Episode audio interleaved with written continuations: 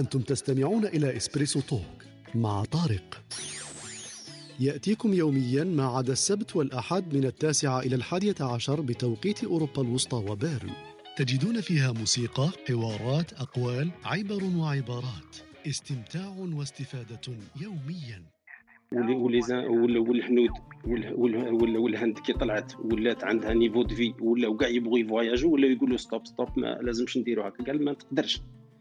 خلاص دوك ما يقدرش يفرينوهم. كاع الناس اللي باغيه تفواياج دونك إلى رحنا في هذا السيستم تاع نحو نريدويزو هذيك الحاجة ولا نقصوا منها قال هذا سير راح نفشلوا فيها. اليوم كيف حالك وأحوالك؟ حضر معنا اون بيرسون صاحبي وحكى لنا على الكرطوس والكرموس. الله يبارك. آه ياسين حكى لنا. بصح قالنا راني غلط غلطة قالنا راني داخل عليها غير مين فاي تخيل. تلقى تكون في بيئة ما تحترمش قانون المرور تولي ما تحترمش قانون المرور مباشرة يعني. تلعبها تحترم ما تقدرش تعيش. والله صح اني راني فيها. عندك الحق ياسين دير رأيك وضرب النحو. السلام عليكم. صباح الخير عليكم. أهلا وسهلا في هذه الصباحية. يا رحب بكم كامل إن شاء الله نفوتوا صباحية مليحة ensemble ونحكي إن شاء الله في دردشتنا على على موضوع من المواضيع. اليوم على موضوع سميناه البيئة تسمية لكن في المعنى والمغازي والدردشة يمكن نروحوا أكثر مما يتخيل ولا يجدر في في بالكم. en général الناس كي يحكيو على البيئة directement يخمو في في الطبيعة والبيئة والمحيط والنظافة والأمور هذه. حنا اليوم راح نديكم شوية contre-pied بالك. راح نحكيو على البيئة الطبيعية أكيد. من هذا الباب ما نقدروش نستغناو على هذا على هذا الشق من هذا المعلومة ولا المصطلح. لكن راح نحكيو ثاني على بيئة العمل يمكن ونحكيو على بيئة في التربية ونحكيو على بيئة التي تساعد في التفكير ونحكيو حتى على بيئة العيش كيفاش البيئة الاجتماعية تاع الإنسان. ونروحوا حتى يمكن حتى البيئة العلمية الأمور اللي تهيئ لنا مثلا إطار اللي يحتاجه الإنسان للعلم وللتربية والأمور هذه. نحكيو البيئة اللي كانوا فيها يمكن العلماء حتى كيفاش حتى خرجت بيئة العلماء هذيك. ونحكيو على بيئة الفاتحين والقادة والأمور هذه اللي إحنا يمكن نتغنى بها. لكن ننساو المجتمعات ولا الظروف اللي كانوا عايشين فيها هذوك الناس في هذيك الأوقات. دونك هذوما كل الأمور هذه راح ندندن حولها كما نقولوا صباح donc نحكيو فيها إن شاء الله ونستمعوا إلى آراء الناس اللي يطلعوا معنا ولا تجاربهم. ونسيو نعقبوا صباحية إن شاء الله تكون مفيدة لينا وكل واحد يدلي بدلوه حتى نخرجوا بفكرة صباحية. كما تعرفوا آه، ال Espresso Talk تاع الصباح عندنا دائما فيه أمور ثابتة ولا كبسولات ثابتة. donc عندنا الكبسولة الثقافية مع أختنا وهبة اللي يحب الأمثلة الشعبية والأمور الثقافية راح تأتي وتتحفنا بها أكيد في في هذا الصباحية. ومعنا الأستاذ آه، الدكتور محمد شريف بن جدو يطلع معنا في كبسولة أدبية وفكرية يذكرنا ولا يعرفنا بأديب ولا مفكر ولا عالم جزائري.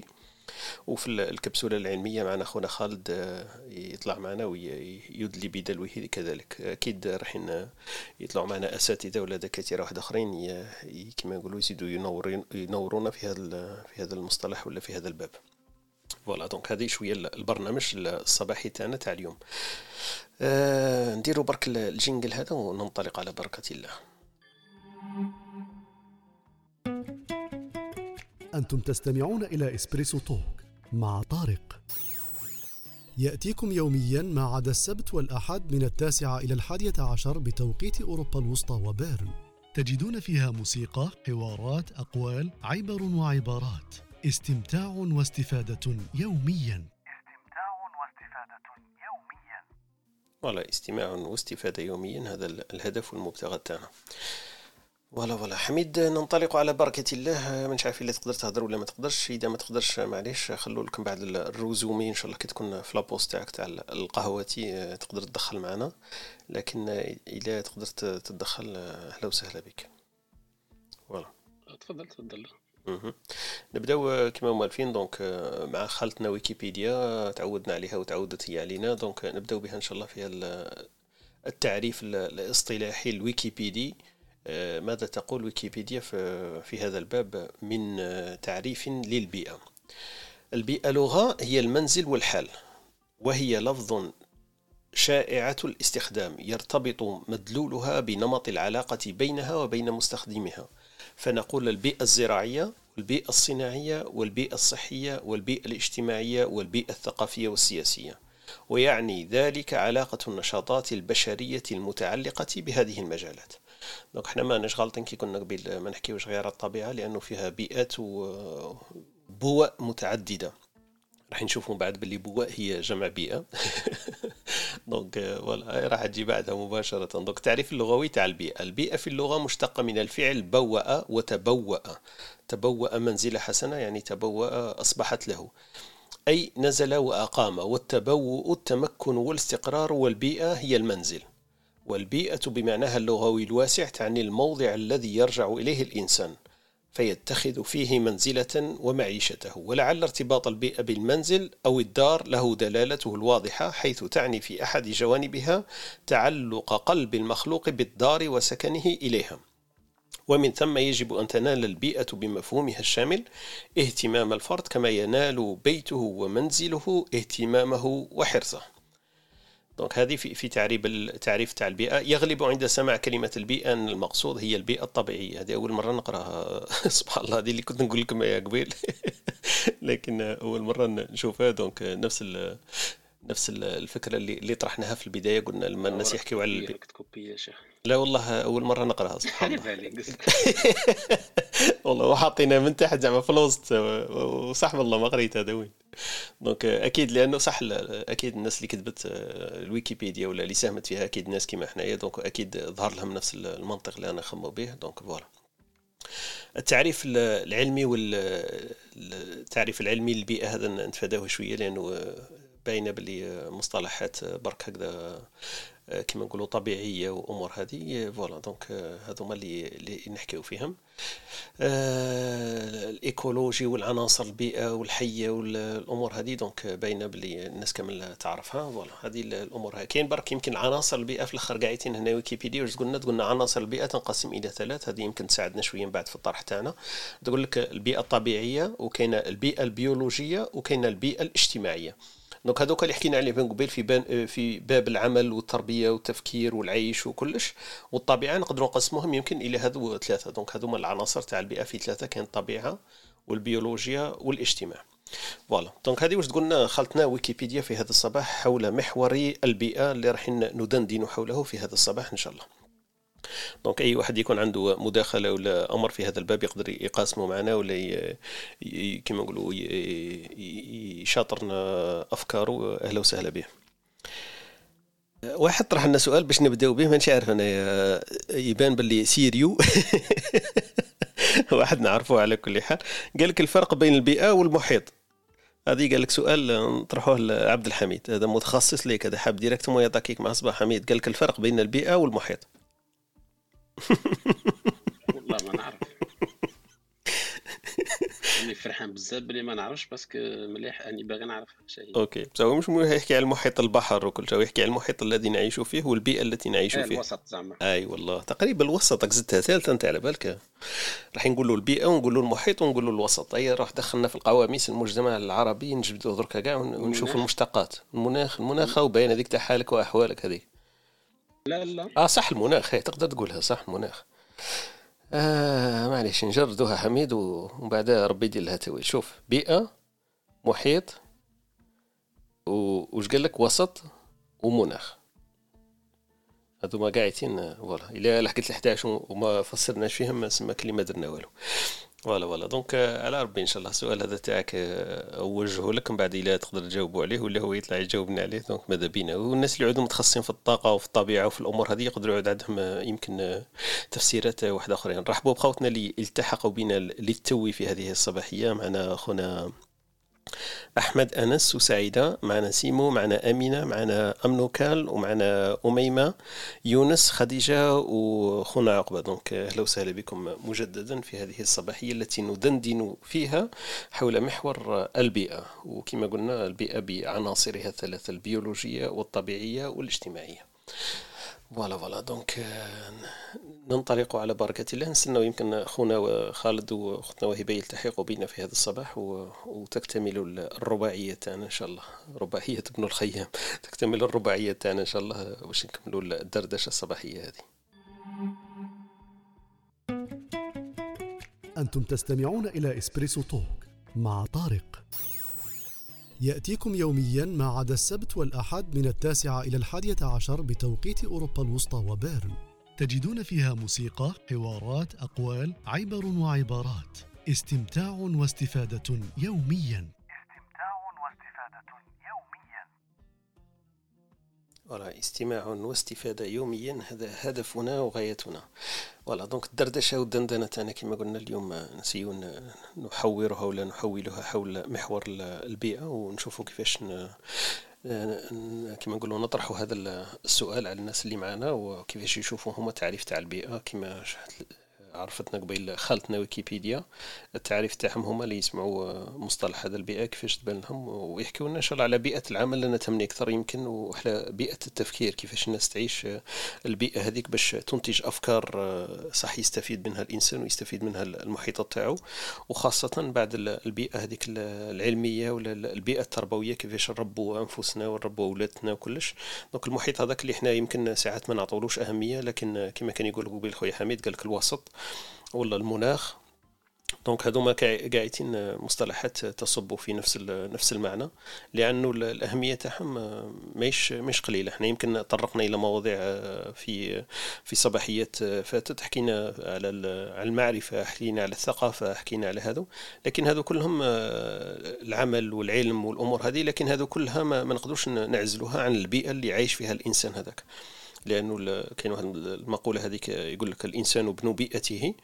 آه، يعني تنعكس عليه. ثاني حتى الأمور الإنتاجية والأمور باش يكون يكون فعال في هذه المجالات ولا يكون عنده عنده طاقة يستوعبها باش يتلقى هذاك العلم ولا هذيك الثقافة ولا يكتسب هذاك الأمر اللي راه يسعى عليه لازم له ثاني البيئة تاعو تكون مساعدة ليه في هذا الباب. Voilà. Donc هذه الانطلاقة اللي نبدأو بها إن شاء الله. كاين خونا طرح علينا سؤال صباحية مباركة على بيئة الدندنة الصباحية. قال لك شكرا على الدندنة الصباحية. آه ويشكرنا في الإسبريسو العالم الألماني. شوف قالنا بلي العالم الألماني إرنست هيجل في 1866 بعد دمج كلمتين يونانيتين هما أويكس ومعناها مسكن ولوغوس. ومعناها علم. قال لك دمج الكلمتين هذوما أويغوس و لوغوس وأويكس عرف البيئة بأنها العلم الذي يدرس علاقة الكائنات الحية بالوسط الذي تعيش فيه ويهتم هذا العلم بالكائنات الحية وتغذيتها. هذا يمكن الجانب الطبيعي اللي قلنا إيه لا في la biologie exactement هذا هذا éthologie éthologie يمكن OK. Donc voilà donc حنا حكينا باللي كاين البيئة عندها ثلاث عناصر ويمكن هذا عنصر منها ال éthologie قال لك حميد. ال éthologie هو العلم المجتمعات هو علم اللي يدرس الانسان هو علم دراسه إيه هو العلم اللي يدرس الكائنات الحية في الوسط تاعها آه voilà. OK. وكاين éthologie humaine و éthologie animale OK donc هذا مشاركة تاع أخونا في في هذا على فكرة كانت صارت لهم كانت صارت لهم مشكلة في البحوث مع الأول. كانوا يجيبوا يعزلوا يجيبوا مثلا قرد ولا ويحطوه في les cages ولا يدرسوه. من بعد عرفوا باللي باللي كي يجيبوه يخسروا له الوسط تاعو مش هذاك هو. بعد تبدلت l'éthologie ولا ما يروحوا. ما يروحوا اسمها ولات بزاف تدي ال matériel بزاف وتدي بزاف وقت باش يقدروا يعرفوا parce que غير يدخل l'observateur تخسر. إيه يبدلوا الوسائط يبدلوا المعطيات قاعدين تاع ظروف العيش والطبيعة تاعو والمحيط تاعو صح؟ OK. بصح هذه جديدة هذه 1866 donc يقول لك باللي هيجل هذا الألماني اللي دار لهم هذه لوغوس واويكس donc c'est le lieu lieu naturel يمكن تاع تاع هيجل هيجل c'est philosophe donc لا بصح هذا واحد آخر يمكن ماشي قاعدين هيجل نفسهم. على بالك في الألمان ما كانش هيجل واحد. آه على بالي على بالي راه يهضر على هيجل ال philosophe هو قال هو قال هيجل استنى نعاود نشوف المصطلح قد قد كيفاش كتبوا آه إرنست هيجل هذا كمان ما يسموش وقيل إرنست. donc هذا قال لك بلي عالم ألماني إرنست هيجل voilà voilà. Donc هذه في في تعريف يمكن المصطلح هذا اللي اللي خونا جاب لنا به. قال لك دراسة الكائنات الحية في وسطها الطبيعي. الآخر فريدريك voilà. Donc ماشي نفس العالم لكن الاسم العائلي هذاك هو لما ينطقوه يبان هذاك هيجل الفيلسوف صح؟ voilà voilà. آه، البيئة نبداو يمكن حميد نبداو بشوية بالبيئة تاع العمل. هي اللي نعرفوها يمكن ولا إحنا déjà رانا عايشينها رانا في وسطها قد قد. بيئة العمل تاعنا est-ce que بيئة تاع العمل هذيك عندها تأثير آه، آه، كما نقولوا نسبي كبير ولا ضئيل في في مردودية تاع الإنسان وفي ظروف العمل تاعو. اسكو النفسية تاعو تكون آه، أحسن أكيد لما تكون الظروف البيئية تاعو. بصح هو عادة الإنسان ما يقدرش يتدخل بزاف في ظروف العمل تاعو. أنت كي تروح تطلب عمل ما عندكش اختيارات بزاف إنك تغير في هذيك الظروف تاع العمل تاعك. عندك مكتب و... والعمل البيئة تاعو يمكن عندها قرون ما تغيرتش. عندك مكان للعمل تروح تعمل فيه وتروح للدار تاعك. في السنين هذه الأخيرة تبدلت شوية هذه المصطلحات. نعلم هذاك هو المحيط على بالك. شغل هذاك ما تقدرش تقول بيئة العمل وقيلا شغل هذاك هو le milieu de travail peut-être هذاك هو شغل. صح صح صح. ال milieu هو الوسط. ما عرفتش. صح لا عندك الحق. plus plus طبيعة biologie لا هي بالك البيئة. environnement écosystème هكا رايحة. كما قلت يمكن في هذا المثال اللي طرحناه إنه حكاية لما تقول محيط تاع العمل ولا الوسط تاع العمل هو المكتب وهو الأمور الملموسة في في العمل. لكن البيئة تولي الأمور الغير ملموسة. يمكن ال atmosphère هو يمكن بالفرنسي يكون أحسن شوية. ال atmosphère هو قال عندك بيئة عمل مليحة. إنه عندك des amis ملاح عندك ناس ملاح عندك إمكانية مثلا مش عارف كيفاش تخرج تشرب قهوة facilement ولا عندك البيئة هذيك هي هي الشعور يمكن تاعك ولا الأمور الغير ملموسة في العمل تاعك. هذيك نقدروا نسموها بيئة العمل. واحد يقول لك عندي بيئة عمل جيدة مش يحكي قاعدين على المكتب وعلى البعد وعلى على, على الشركة هذيك في ذاتها كمكاتب وكأدوات أو يحكي برك على أصحابه. كاين atmosphère مليحه بلي ناس يعاونوه وباللي يحس روحه épanoui كما نقولوا. هو يحس روحه باللي شوية كما نقولوا هذا متمتع بالعمل تاعو. هذاك يروح ليه كما نقولوا بسعادة صباح لما ينوض تكون عنده البيئة هذيك تساعده على العمل وتساعده على الإنتاج ولا الإنتاجية تاعو لما لما يبدأ العمل تاعو. donc أنا في بالي هذه آه، نقدر نفصلوا بها كما قلت بين المحيط وبين البيئة تاع العمل. voilà كاع مع الكورونا مع الكورونا هذا واش كنت نقول لك؟ في السنين هذه التالية يمكن آه، راح هذاك المصطلح ما نقدرش نقولوا باللي محيط العمل تاعنا لازم يكون في مكتب مغلق ولازم دائما تنوض الصباح وتهز السيارة تاعك ولا تهز وسيلة النقل تاعك وتلتحق بالعمل. العمل قادر تعمل في أي مكان. donc البيئة هذيك تبان لي راهي داير راهي يصرى لها واحد ال shift واحد التغيير هكذا باللي بيئه العمل قادرة تكون آه، في أي مكان ومش مربوطة. قاعدين بال بالإطار هذاك ولا هذاك المحيط اللي كنا حاطينه لها لازم من 8 ل 5 ولازم في مكان معين ويجتمعوا بك الناس بزاف وتحتاج حاجة لازم تروح تدغدغ على البيرو هذاك والأمور هذه تغيرت شوية في في ظل المعطيات اللي رانا عايشينها اليوم.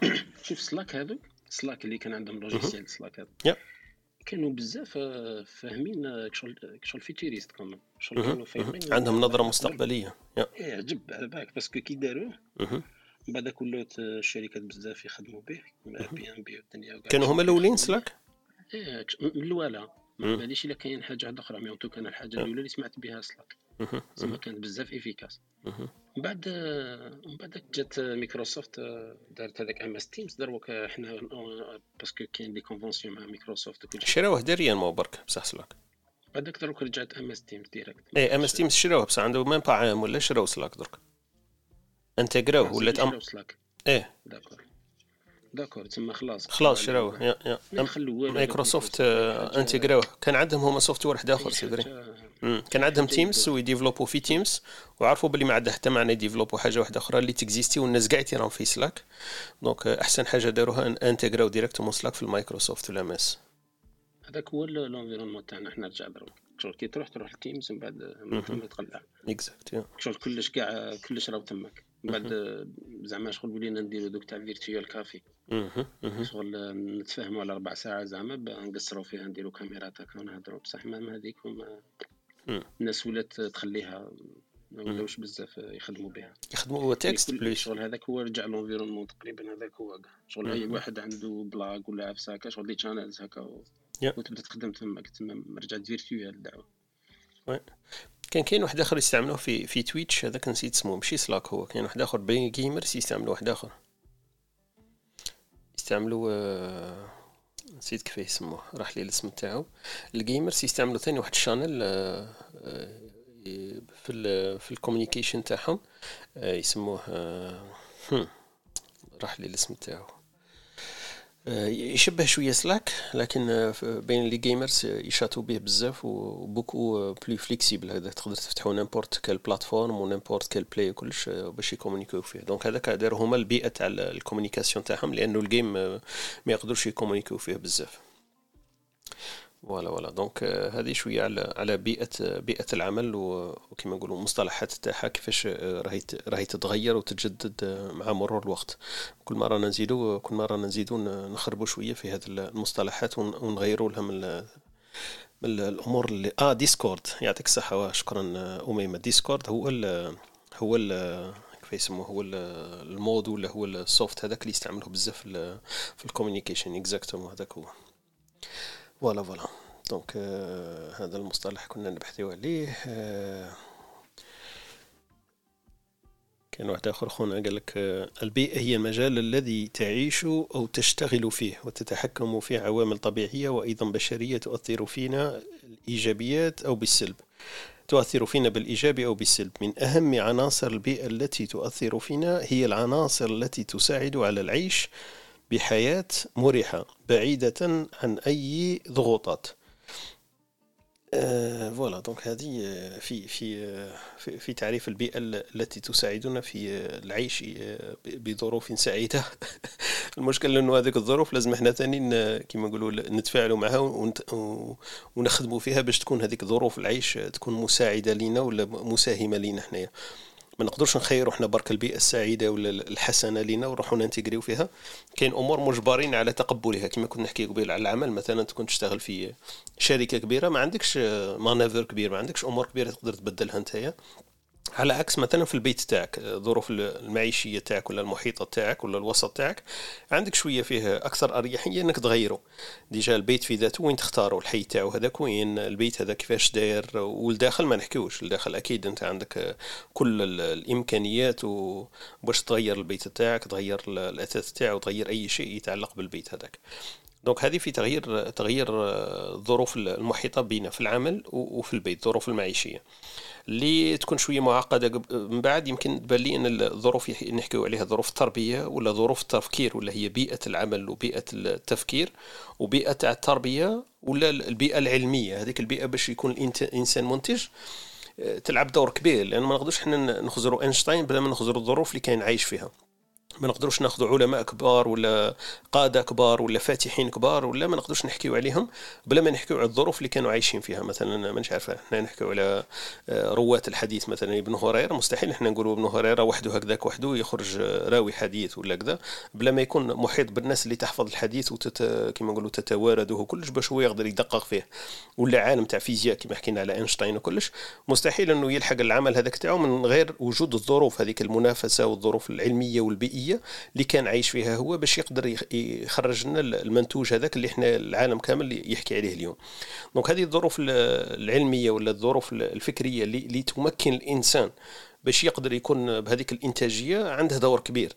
المشكل تاعنا برك في النسبة تاع التحكم تاع الإنسان في هذيك الظروف هي اللي تبان لنا شوية شوية صعيبة ولا نقدروا نحكيو فيها. إلى أي مدى عندنا عندنا السيطرة ولا عندنا هذيك القدرة على تغيير ظروف بيئة عملنا وتفكيرنا؟ رحبوا بخونا عماد صباح الخير. خويا عماد أهلا وسهلا بك. آه، صباح النور طارق وعبد الحميد وصباح النور جميع المستمعين من الجزائر وخارج الجزائر. أهلا وسهلا بك عماد. أهلا بك. عماد اليوم ندندن على البيئة وعناصرها البيولوجية والطبيعية والاجتماعية منها في العمل وفي التربية وفي التفكير وفي العيش وفي كل الوسائط. هذه الدندنة تاعنا الصباحية اليوم. ماذا تقول لنا عن البيئة أنت يا عماد؟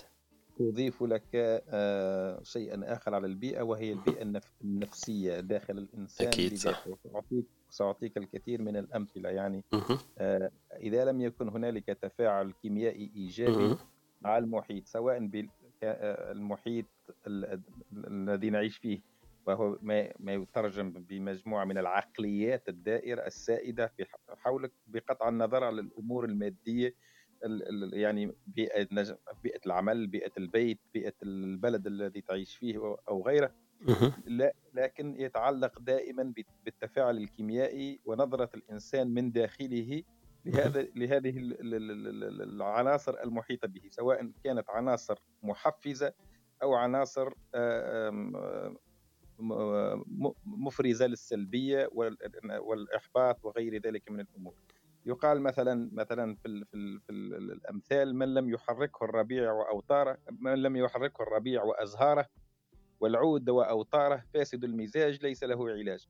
وهنا يعني مزاج الشخص حتى ولو كان في في أحسن الحدائق وأحسن الأجواء فربما هو كأني به يعيش خارج هذا الإطار.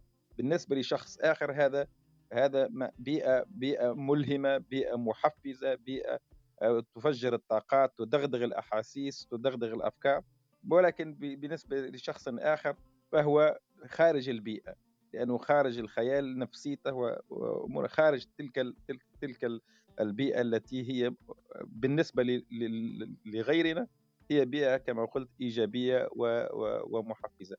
هنالك طبعا البيئة في مجموعة هي العقليات العقليات السائدة هي الإطار المكاني والزماني والأشخاص الدائرين به. يعني الأشخاص هم يبثون فيك نوعا ما من الطاقة من الإيجابية وغيرها. يعني لم ت... إذا كنت في قصر لن... لن ت... ليس بالضرورة أن تكون سعيدا. ولكن قد يكون غيرك سعيد وقد يكون إنسان حتى في كوخ حتى في آه، في ظروف بالتحكيم المادي للأشياء. تظهر أنها هذه هذا هذه من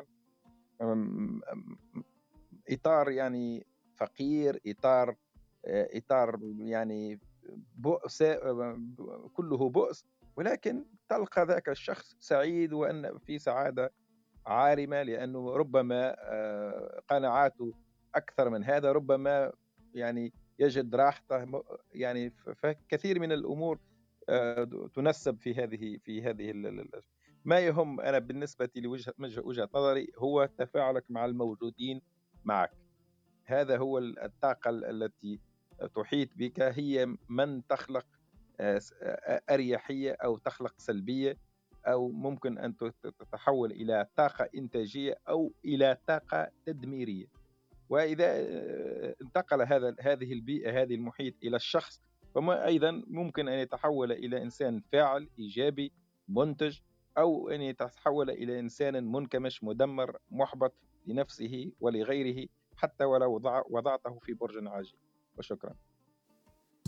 بارك الله فيك خونا عماد يعطيك الصحة المداخلة تاعك.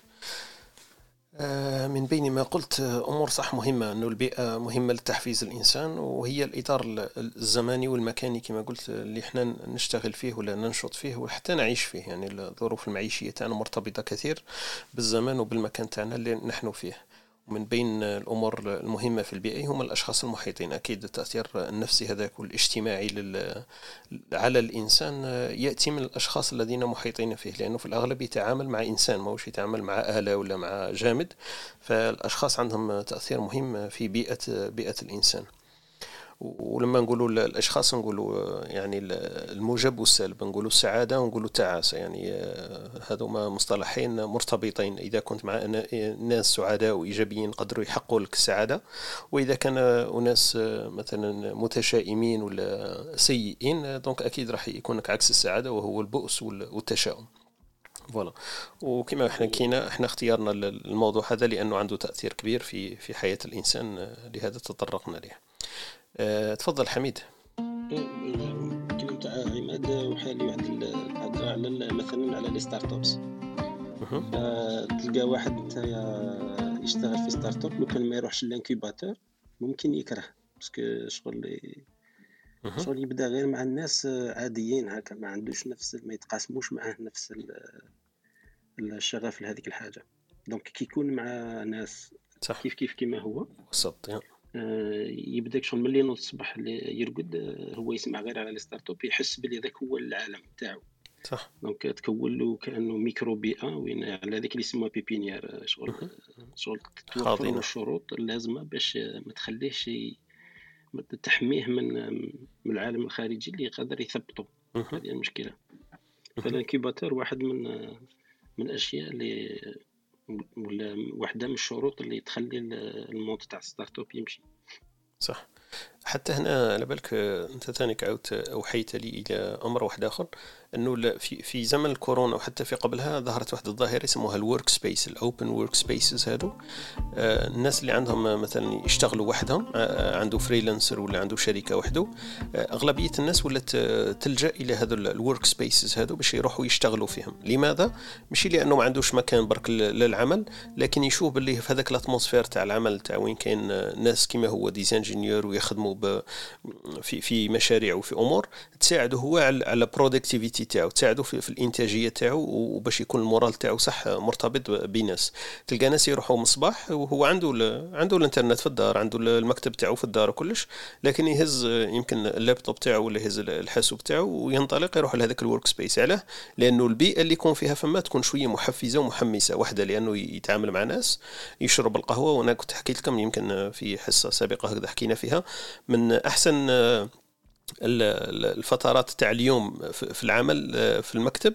كانت إنه هذيك الفترة هذيك تاع 15 دقيقة اللي نشرب فيها القهوة. واحدة تتعامل مع ناس واحدة أخرين. يجوا ناس من ال département تاعك من ال département تاع المحاسبة تاع ال ID تاع ال IT تاع ال R&D تاع كل شيء يتلاقاو في هذيك القهوة. donc تتعامل مع ناس من محيطات وخلفيات مختلفة. وخاصة إنه ليك أنت هذيك العشر دقائق تقدر مانيش عارف أنا كان عندي الطابلات هذيك وكان عندي ال Flipboard هذيك نتصفحها فتسمع أخبار وتقرأ الأمور ثم تحط روحك up to date هذيك 15 دقيقة على قلتها في اليوم لكن كانت شغل boost لي أنا تاع الصح. هذيك هذيك من أحسن الفترات في اليوم كانت عندي أنا. voilà donc هذه باش نحكيو برك كما كنت تقول حميد على ال workspace وال pépinière الهدف تاعها في المحيط لما يكون هو محفز للإنسان يعني يساعده باش باش يخرج واش عنده ولا باش يتأقلم مع الأفكار تاعو. إنه الناس لما آه، تحكي معها في نفس ال domaine وتكونوا متفاهمين والأفكار هذيك اللي تكون تدور آه، شغل مشتركة ومتقاسمة آه، يبان لك باللي هذاك هو المحيط تاعك هذاك هو العالم تاعك اللي أنت ت maîtriser فيه المعلومات هذيك والمعلومات اللي يجوا لك أنت يكونوا دائما شغل plus ليك يكونوا أمور تستفيد منها أنت في العمل تاعك ولا في الإطار تاعك. voilà voilà بارك الله فيك خونا حميد طلعت معنا أختنا وهبة صباح الخير وهبة كيف حالك وأحوالك؟ أهلا وسهلا بك. صباح الخير والله الحمد لله بخير. كيف أحوالك أنت البيئة. نحكيو على البيئة بصح رانا حين ندوك كونترا بي وقيل قلنا باللي نحكيو على البيئة. ويعطونا التساؤلات باش نعرف صح. قلنا قلنا نحكيو على البيئة وأول ما يتبادر للإنسان في مصطلح البيئة هو البيئة الطبيعية لكن إحنا راح نحكيو على بيئة العمل ونحكيو على البيئة التربوية والتفكير والعيش والبيئة العلمية والبيئة النفسية. وحميد في آخر ما قال مع خونا عماد قال لك البيئة التي تساعد الإنسان على الإنتاجية لما يكون مثلا في startup ولا يكون مثلا freelancer إنه البيئة تاع العمل تاعو تختلف على على بيئة تاع واحد آخر. من من أحسن الأمور اللي اللي هو يبحث عليها إنه يروح يشتغل في مكتب وين كاين الناس اللي تفكر كما هو ولا تشتغل في نفس الإطار كما هو. مثلا واحد عنده startup آه، من الأحسن شيء إنه يروح وين كاين اللي عندهم startup ولا les ingénieurs اللي هو يقدر ينفعوه حتى في طريقة التفكير ولا حتى يساعدوه في العمل تاعو هذاك. يعني شوف طلع معنا أمين أمين عنده ما يقول في في ال freelance ال freelancing وفي بيئة العمل وفي ال productivity أكيد كيفاش باش الإنسان ينمي هذيك القدرة ولا الإنتاجية تاعو لما يكون عنده الخيار إنه يشتغل من البيت يشتغل في مكان مفتوح يشتغل مع زملاء يشتغل في startup donc الأمور هذه أكيد عندها دور voilà رحبوا إذا سمحتي أختي وهبه رحبوا بأمين ونعاودوا نرجعوا لك. السلام عليكم. السلام عليكم. أمين كيف حالك وأحوالك؟ صباح الخير. وهبه والله ربي الحمد لله. والله طلعت نسلم عليكم. آه رجاله زينين و صباح الخير. yes يعطيكم الصحة. bon وهبة مرأة يعني مرأة. فما راح تكون مع رجاله زينين bon يعطيك الصحة عبد الحميد. يعني أنت ذكرت نقطة بزاف هايلة وش قال طارق ثانيك على أنه أي إنسان يشوف بيئة؟ أنا واحد من الناس كي طلعت شفت بيئة تفكرت غير بيئة ومن بعد تفكرت بلي كاين بيئة واحدة أخرى. مش فقط البيئة الطبيعيه ف exactement يعني تلعب دور إنه واحد تعطيك هذيك الدفعة وتخليك inspiré toujours في آه، يعني الخدمة. تشوف ناس يعملوا فأنت راك راح تفوز تعمل. راح توفر لك إذا كنت يعني صاحب مشروع صغير ولا تكون freelancer إذا كنت تعمل في في البيت فراح تلاقي العديد من العراقيل يعني من بينها إنك خلينا نسيقوا. ولا ولا خلينا نكملوا شغل تاع الدار من بعد تروح تخدم وانت تكون هذيك في أوج العطاء يعني مع الصباح ولا؟ فهادي démoralisé ك. ويمكن ماشي غير ما تخدمش فيه يمكن تحبس كاع هذاك المجال تاعك ما تدخلش كاع فيه ولا ت quitter ه كامل. وبالنسبة لأصحاب الشركات فالبيئة تاع لي تاع les incubateurs ولا كما قال عبد الحميد les pépinières. فراح توفر له جو ملائم يعني آه، سواء الناس تتحدث كلها في نفس التخصص ولا نفس المجال ولا عندها رؤية كبيرة هكا اللي تخليك أنت ثان آه، يعني تصح الرؤية تاعك. آه، يعني ربما يكون اتصال بالإنترنت يكون عالي اللي يخليك motivé ويخليك so productive فهذا ثاني بيئة يعني كي تكون الإنترنت مليحة. يعني أنا شخصيا كي ما تكونش الإنترنت مليحة نحس باللي شغل كيما désert فيك تكون سخانة.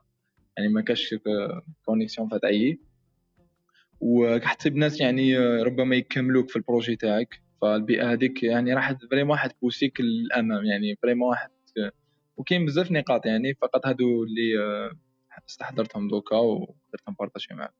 شكرا في الاستماع و يعطيك الصحة طارق على على ال Espresso Talk 55 حلقة يعني ما شاء الله ربي يوفقك. انت وكامل يا عبد الحميد وهبة وخالد. وانت امين انت راك inspired person انت حضورك ولا كيما نقولوا حضورك هذوك الدقائق ولا الثواني راه inspiré لينا. donc نشوفوا باللي الناس تستفيد وتحضر معنا donc أكيد إحنا تعطينا ال boost هذاك. donc شكرا لك أمين وشكرا على المداخلة تاعك. c'est vrai ال environment كيما قلت لك إحنا في ال Espresso Talk تاعنا صباح نشتو نتلاعبوا بالمصطلحات لما نحكيو على البيئة الناس تفكر موضوع سهل ويحكيو على الطبيعة والنظافة وحماية حماية الشوارع وتنظيف المحيط. لكن البيئة نحكيو نحكيو في أكيد في هذاك الجانب. ثاني مهم لكن نحكيو في بيئة العمل تاع الإنسان وباش يكون الإنسان إيجابي و productif باش يكون عنده الإنتاجية طالعة donc هذيك هي اللي مهمة. ونشوفوا باللي في وقتنا هذا كما كنا نحكيو مع حميد قبيل إنه في وقت الكورونا ت chambouler ات تغيرت كل المصطلحات إنه مكان العمل لم يكن هو لم يصبح هو مكان العمل ومكان العيش تاعنا ثاني تغير موش هو ذاك مكان العيش. وحتى حكى لنا قبيل حميد على Slack وعلى Discord والأمور هذه تاع ال communication اللي ولات هي بيئة العمل تاعنا. donc حنا تتخيل انت باللي الإنسان يقدر يحكي لك يقول لك أنا بيئة العمل تاعي هي هي في, في, في ال ordinateur وفي ال connection زعما كون ما عنديش انترنت ما عنديش محيط ما عنديش بيئة نعمل فيها. تخيل إلى أين كما نقولوا آه، تشومبولات ولا تغيرت تشيفتات الأمور اللي اللي كنا بانت لنا باللي كانت واضحة وضوح للعين. بارك الله فيك مرة ثانية أمين. نفوتوا لخوتنا وهبه صباح الخير مرة ثانية. أختي وهبه على البيئة. معليش يمكن انت تقدري تحكي لنا ثاني على البيئة الطبيعية؟ ما يهمش الاختلاف في المناطق والاختلاف في وجهات النظر. كما نقولوا لا يفسدوا الود قضية. بالعكس إحنا لازمنا ثاني نطرقوا لهذاك الجانب. تفضلي.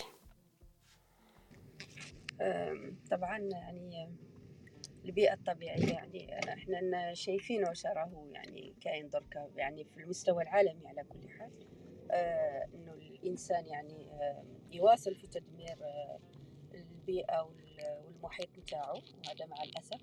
يعني ما نقدروش نهضروا فقط على العالم الثالث لأنه العالم المتقدم واللي يسموه العالم المتقدم هما أكثر واحد يعني دمر بيئتنا ودمر طبيعتنا. الآن يعني رغم إنه في وقت الكورونا كانت يعني البشائر إنه ثقب الأوزون أصبح أصغر والتلوث نقص وكاع ولكن بمجرد انعاد الطبيعة الحياة لطبيعتها يعني تدريجيا ولو إنه مش كاملا لكن على الطبيعة مع الأسف. آه، وكما قلت يعني الموضوع هو معروف وعجبني كما يعني آه، أخذت جوانب أخرى من موضوع البيئة. وحبيت كذلك نقول كلمة فيما يخص آه، يعني دور دور الإنسان يعني في في المحافظة على بيئته وعلى الطبيعة الطبيعة وطبعا بلاستيكية وهي أخطرها يعني طبعا. آه، نظن كاين ناس مختصين ممكن يفيدونا في هذا الموضوع لكن على العموم ما يقال عن تلوث البيئة يعني معروف أننا رايحين للهاوية. هذه حاجة معروفة نشوفوا اليوم التغير المناخي. آه، الأعاصير وكل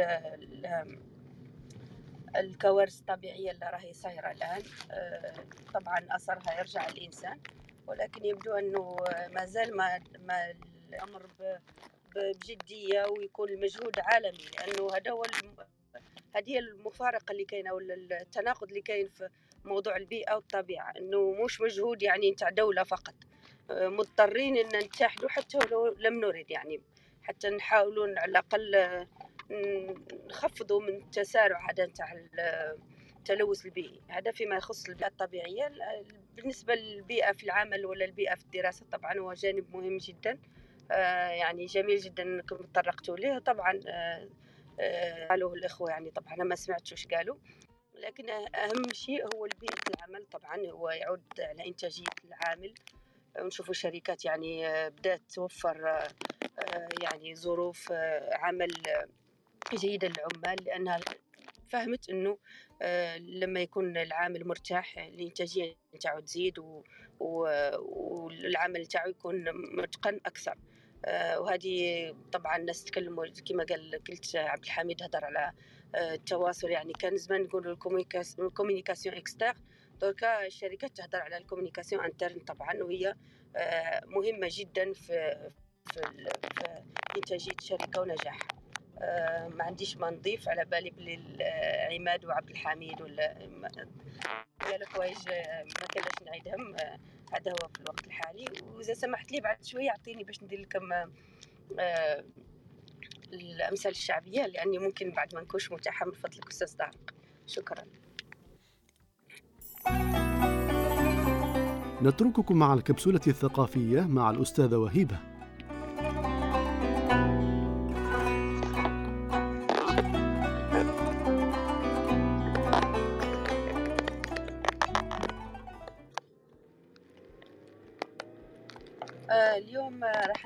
أمثلة شعبية يعني فقط ما, عندهاش علاقة بالبيئة من المفروض إنه كل موضوع يكون حاولت إني ننسق بين الموضوع ولكن اليوم راح نعطيكم أمثلة فقط شعبية مثلين شعبيين يقول لك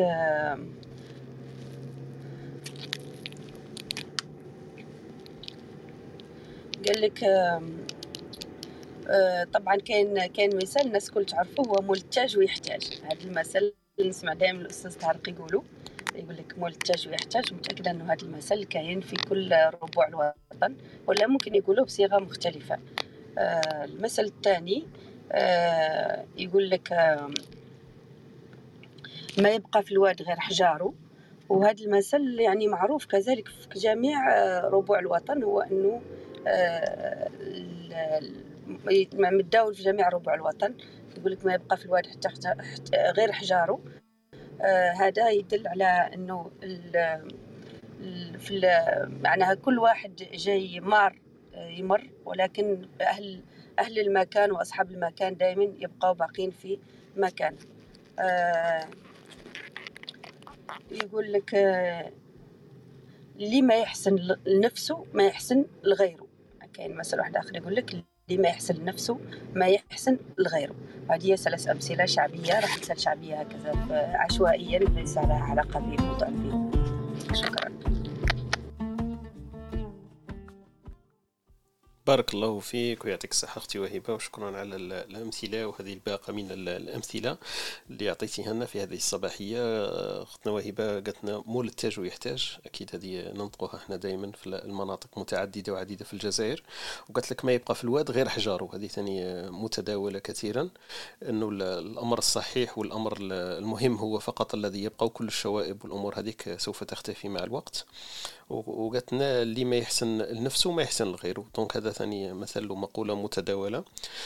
آه، شكرا لك أختي وهبة. إحنا أكيد إحنا نحرصوا أنه تكون الأمثلة كما قلتي مربوطة بالمعنى تاع تاع اللقاء الصباحي لكن مش شرط يعني ما نقدروش إحنا كل كل كل موضوع نلقاو له الأمثلة التي تحيط به. لكن أنت اجتهدتي وشكرا لوقتك وشكرا أنك كما نقولوا ساهمتي معنا في هذه الكبسولة الثقافية. من دون الكبسولة الثقافية ما كانش إسبريسو تورك تاع صباح وامين قال لك 50 50 كيف يسمى قال لك 50 حلقة إحنا ثاني 50 آه، كبسولة ثقافية.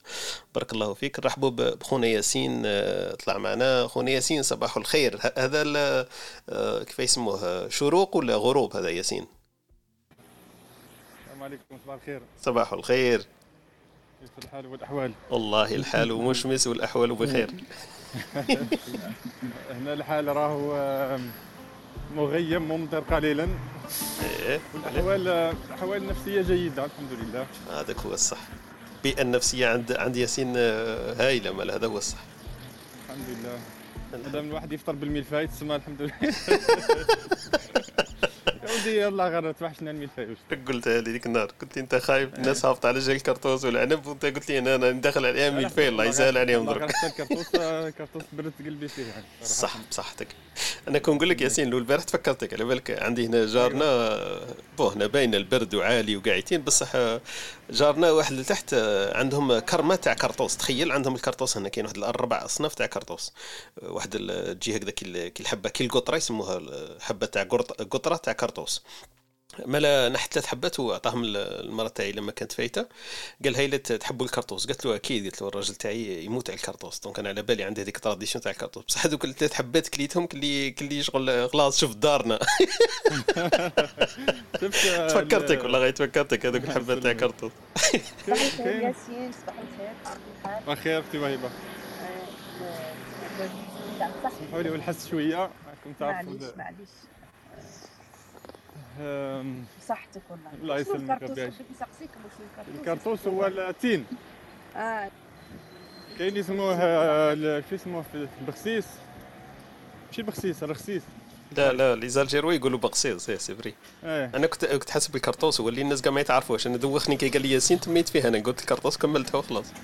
بصح مانيش عارف كيف تسموها مالا. وهيبة. نعاودوا نديروها اليوم آه، كيفاش يسموه في المناطق. كل واحد فيه يسمي الكرطوس التين تاعهم. أنتم واش تقولوا وهيبة؟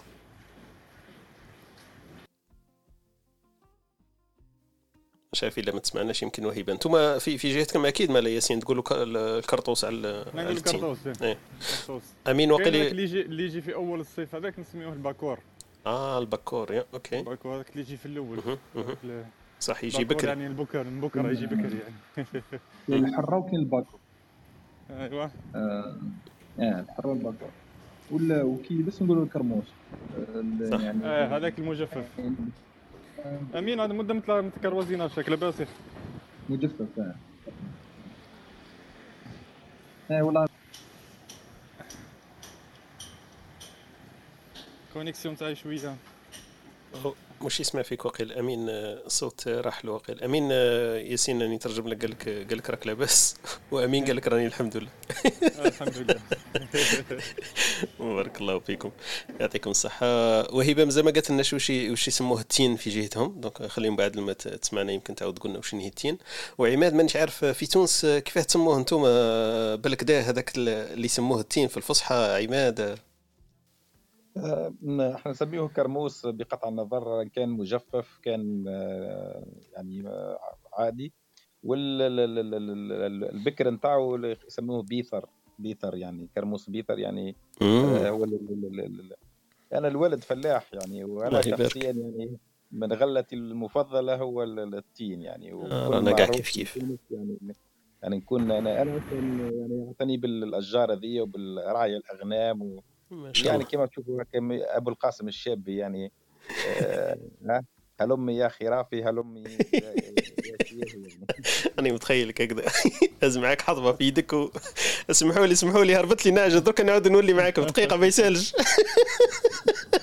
فيها فيها بنه كبيرة. خويا عماد تتفق معايا أنه الكرطوس كي كي تاكلوا من الشجرة مباشرة فيه فيه واحد الحلاوة.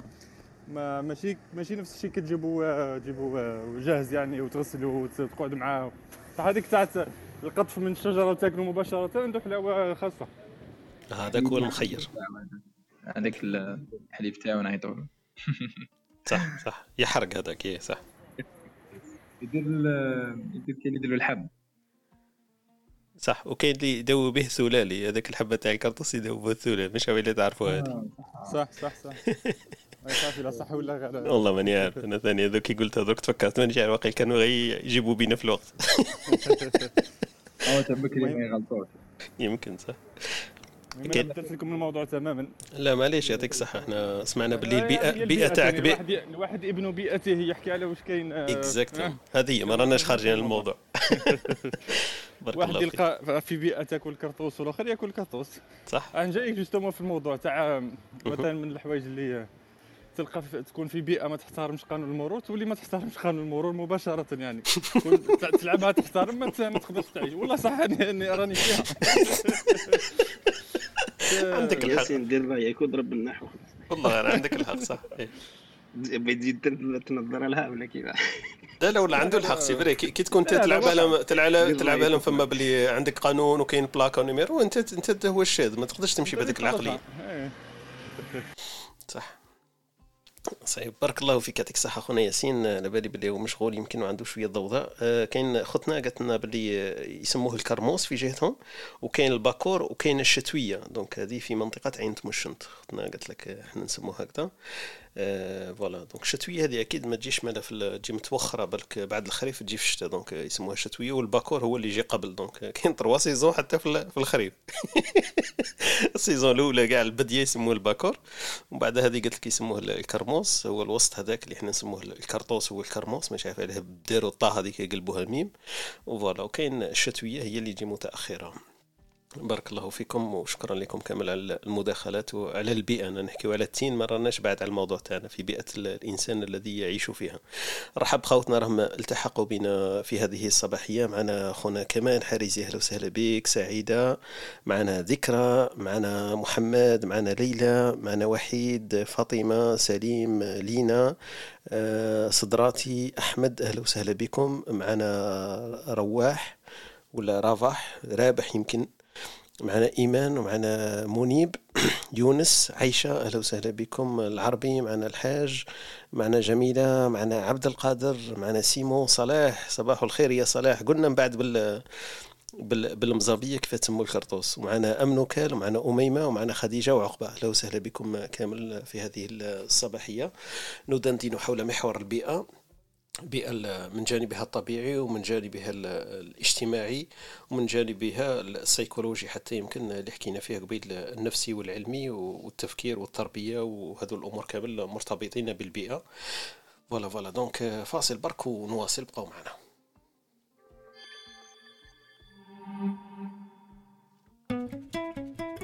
أنتم تستمعون إلى إسبريسو توك مع طارق. يأتيكم يوميا ما عدا السبت والأحد من التاسعة إلى الحادية عشر بتوقيت أوروبا الوسطى وبيرن. تجدون فيها موسيقى، حوارات، أقوال، عبر وعبارات. استمتاع واستفادة يوميا. استماع واستفادة يوميا. بالمزابية جبت لكم الاسم تاع الكرطوس ولا التين يسموه الإمشان هاي كي تهبط الخرطية تقول له أعطيني كيلو تاع إمشان ما يضحكش عليك. voilà هذا بال بالامازيغ ماشي الامازيغيه بال بالمزابيه donc الاباضيه يقولوا له الامشان voilà voilà donc نكملوا الدندنه والدردشه تاعنا مش عارف الا حميد عنده الامكانيه باش يحكي لنا شوية يفسر لنا أكثر في حكايه المحيط وال- والبيئه نرجع لك حميد أهلا وسهلا نظن عماد باغي يتكلم. آه عماد تفضل يا عماد. آه، okay طارق هو حبينا نزيدوا نتعمقوا في الموضوع نتاع ال- ال- البيئة وننظروا لها أنه البيئة الجامدة والبيئة المتحركة. يعني ما المقصود ب ب- هو اللي إحنا كما كما عبد الحميد وأمين نتحدثوا مثلا على بيئة العمل ال coworking spaces ولا ال incubator ولا هو وجود آه، يعني مجموعة أحيانا آه، بالرغم اللي هو مطلوب قد لا يؤدي إلى نتيجة لأنه نوعية الأشخاص ونوعية ال- ال- ال- ال- الم- المناخ اللي فيها أو المحتوى اللي فيها غير محفز ولا ولا يؤدي إلى وظيفة. فأحنا في حتى في ديننا آه، في الجانب ال- ال- الشخصي وفي أحاديث حديث للرسول صلى الله عليه وسلم يقول لك ريحوا عن النفوس ساعة بعد ساعة. فإن النفوس إذا كلت عميت ما هو المقصود بأنك تريح؟ أن لا تريح أنك حتى تغير نوع النشاط تغير نوع المكان تغير نوع الأشخاص. يعني حتى إنك تخلق نوع من الديناميكية ومن الطاقة وإنك أنت تبادر تبادر بتغيير البيئة نتاعك. وهذا نشوفه فيه حتى في النساء تلقى في البيت. أحيانا تدخل لبيتك تلقى أن قاعة الجلوس تغيرت أن قاعة كذا تغيرت. آه، تقولها يعني لزوجتك ليش هذا؟ تقول لك والله نحس أن نحب نعمل حاجة جديدة حركية كذا. فتغيير حتى الأشياء هو أنه تغيير هذاك البيئه ولا لا تبقى بيئة يعني بيئة جامدة.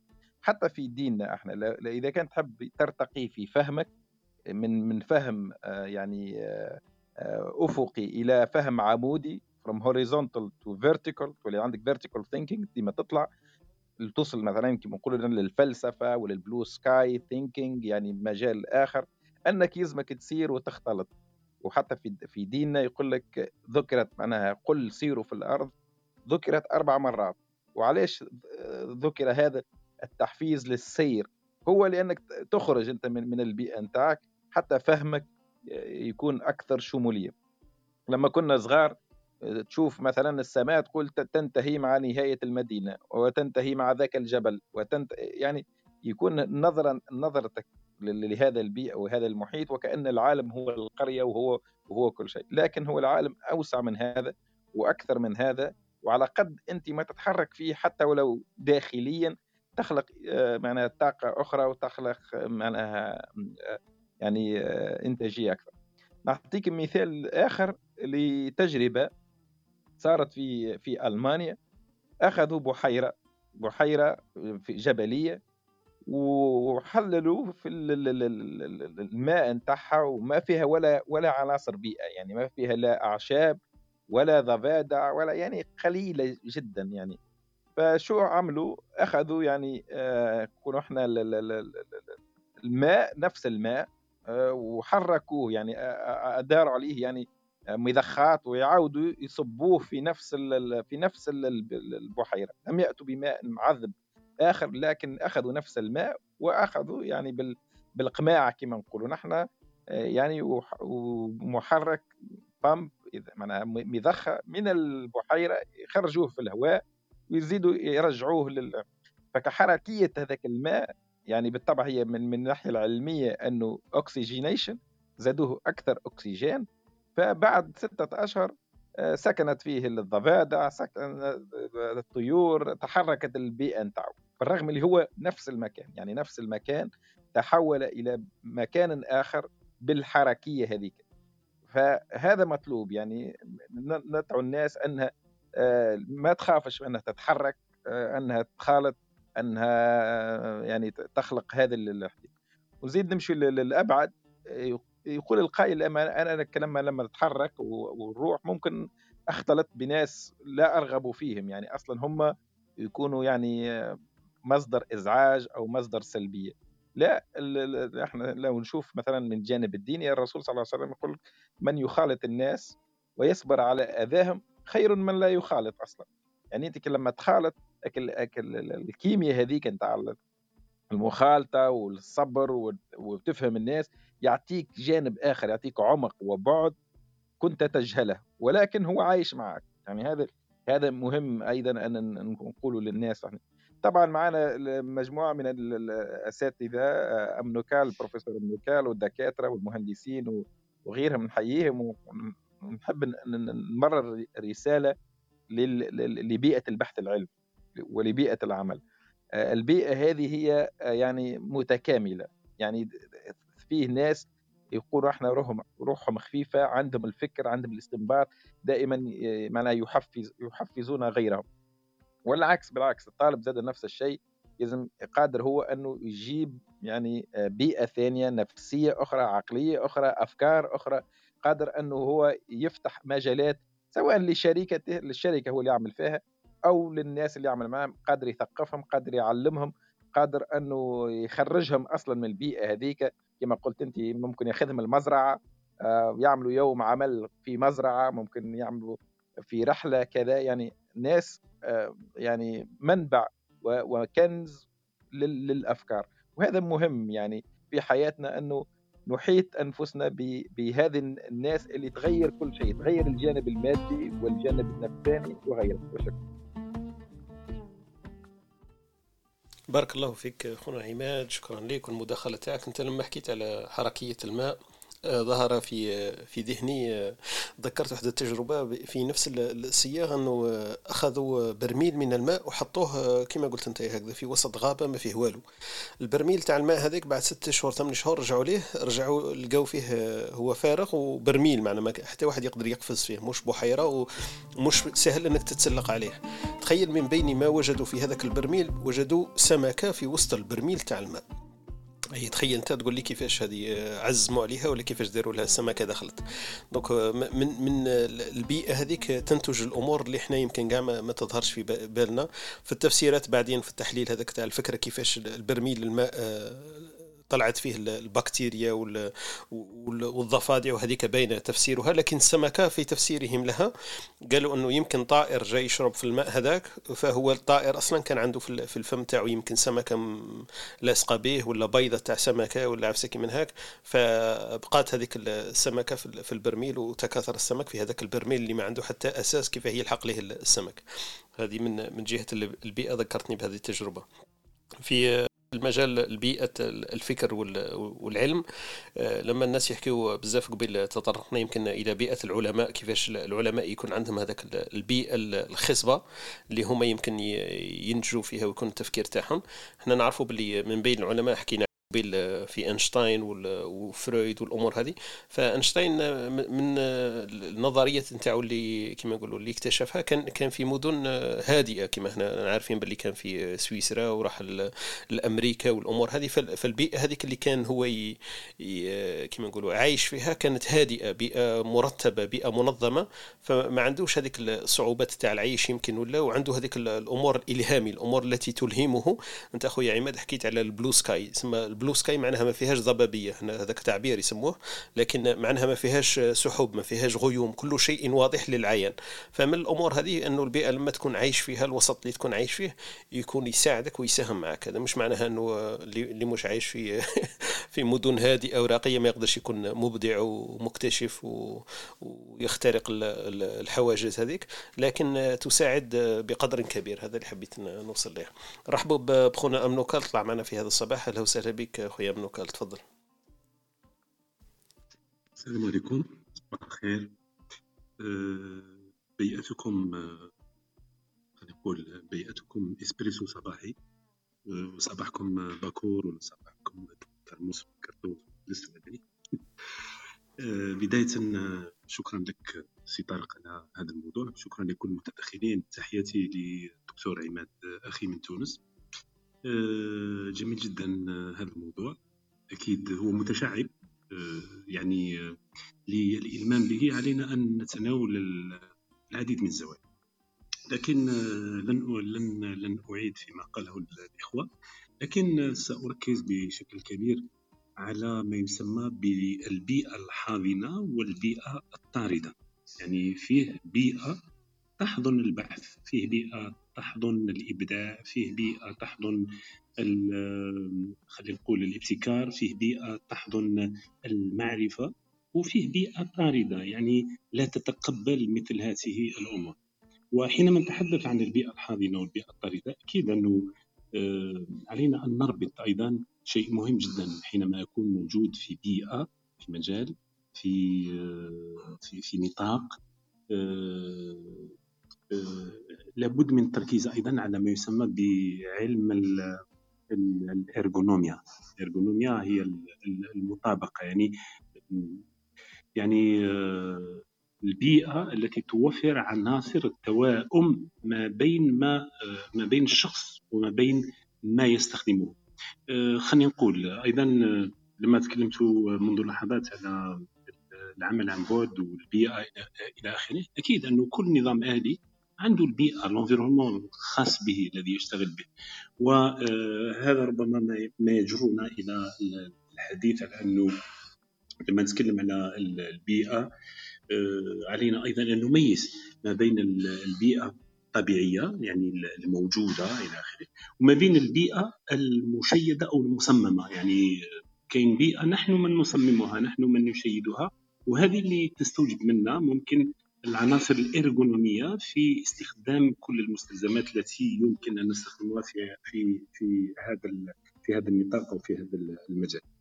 آه، الأكيد انه موضوع البيئة أيضا انه لا يمكن أن نحصره فقط في البيئة الطبيعية أو في آه، أيضا فيه في بيئة اجتماعية في بيئة فكرية في لكن ربما آه، ما تبادر الي في البداية أنه علينا أن نميز أيضا ما بين المصطلحات. يعني لما نقول المحيط المحيط هو وكأنه نقول في المعنى اللغوي هو المجال المحيط الذي يحيط بالشيء. لكن البيئة هي الموجودة الداخل يعني البيئة هي الفضاء المجال أما محيط فهو لو بيريمتر يعني الذي يحيط بالشيء. يعني هنا وجب وجب الانتباه إلى انه ضبط المصطلحات يقول يحتاج منا إلى تركيز يحتاج منا إلى تمعن لعدم الوقوع في الالتباس. البيئة كما قلت ممكن نجدها في الأمثال الشعبية. مادام رانا في إسبريسو صباحي.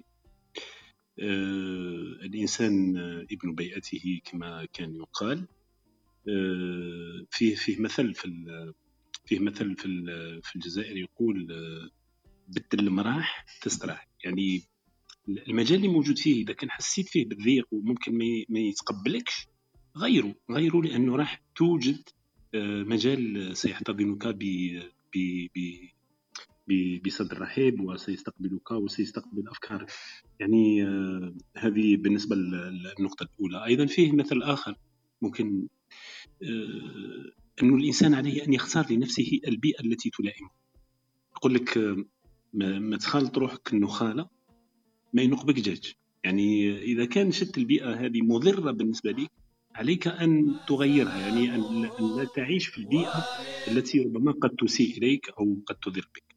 شكرا سي طارق بارك الله فيك وتحياتي لكل المتواجدين معك. تحية خاصة للاخي شكرا. بارك الله فيك خويا امنوكال وشكرا على المداخلة تاعك وشكرا على الإثراء النقاش ولا اللقاء تاعنا في هذا الصباح.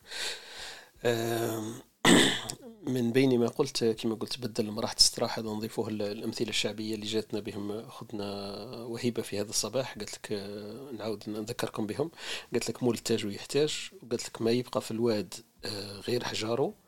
واللي ما يحسن لنفسه ما يحسن لغيره. وخونا أمنو كان جبنا واحد آخر اليوم رابع يمكن ندخله في الأمثلة تاعنا الثقافية الشعبية الجزائرية بدل ما راح تستراح. هذا لأنه نحكو على محور البيئة ولا موضوع البيئة الذي ندندن حوله في هذا الصباح. وطرقنا إلى مواضيع كما كان قلنا خونا أمنوك مصطلحات ولا تعريفات مختلفة لهذا المفهوم بين البيئة والمحيط والمناخ والوسط. دونك هذوما كامل تعريفات يمكن كاين اختلاف بينهما. إحنا نحكيو على البيئة مجملا من جانبها البيولوجي ومن جانبها الاجتماعي ومن جانبها النفسي وحتى الفكري ولا العلمي. نزيد لك واحدة أخرى الجو. زيد لي واحدة الجو. الجو هذه توانسه يقولوها بزاف. نعمل جو يقولوا صح؟ عماد. آه l'ambiance لا لا. يقولوا هكذا. يعمل جو معناها تعمل ambiance يمكن إيه. لكن يمكن péjoratif هذاك المعنى يمكن. لما يقول لك نعمل جو معناها حاجة شوية هكذا كما نقولوا مانيش عارف أنا. عماد يقدر يقول أنا سامحها برك هذه عند توانسه يقولوا نعمل جو معناها تروح على نفسك يمكن من هذاك الباب. إيه، يعني تؤخذ في الجانب المادي والجانب النفساني يعني عم يعمل جو يعني إنسان يرفه. يثير البهجة والفرح والسرور يعني آه. ماهوش ماهوش معنى سلبي بالعكس هو يقول لك نبدل الجو يقول لك نخرج نبدل الجو يعني نبدل النفسية نبدل البيئة آه خلينا نعملوا جو نبدل هذا الموضوع خلينا نعملوا جو معناها خلينا نخرج من السلبية من هذا النقاشات كذا نغير الموضوع حتى يكون يعني في يعني حتى في كما قال البروفيسور منكال على الأمثال يقول لك تبديل السروج فيه راحة. يعني كما تبدل الفرس تبدل كذا آه، تبديل المراح آه، تبديل الباب الدار. يعني أحيانا يقول لك هكذا يعني فيه فيه فيه يدخل من نوع من الحركية. وتطرق إلى حاجة مهمة جدا ممكن آه، مواضيع للنقاش خاصه لبيئة الأعمال وبيئة الفكر وبيئة التعليم وغيره أنه تتحول البيئة إلى بيئة طاردة. وهذا للأسف الشديد ما نعانيه في كل البلدان العربية. تحولت يعني بيئتنا سواء حتى داخل البيوت لأنه آه، للأسف الشديد آه، ضاعت الكثير من القيم والتقاليد آه، اللي كانت هي مجمعة للجسد العائلي وللجسد المجتمعي وللسلم الاجتماعي وغيرها فأصبحت للأمانة وللأسف الشديد الكثير من من البيئات الصغيرة والكبيرة وأصبحت الأوطان طاردة لبيئة طاردة للأشخاص وهذا يعني للأسف الشديد تحتاج إلى إعادة نظر وتأمل وتفكر في آه، إعادة البوصلة لهذه البيئة حتى تكون بيئة جاذبة آه، لأبنائها. وشكرا. بارك الله فيك هنا عماد. وجودنا يمكن في بلد غير بلدنا خير دليل على أن بيئته لم تكن مناسبة لنا. دونك البيئة الطاردة للأسف كما راك تقول في أوطاننا ومجتمعاتنا أصبحت هي العادة ليست الاستثناء. وما ما وجودنا في بلد غير بلدنا خير إلا خير دليل أغلبية أكيد لكن ليست الكلية. فيه ناس يمكن عندها ظروف آه، لوجودها خارج أوطانها لكن البيئة الطاردة أكيد صح عندها تلعب دور كبير في في هجرة الإنسان وهجرة هجرة العقل من مكان إلى مكان. عاود نرجع لحكاية الكرموس ختنا من المغرب قالت لك في المغرب يسموه ثاني الكرموس وخوتنا الشاوية يسموه ثازارث.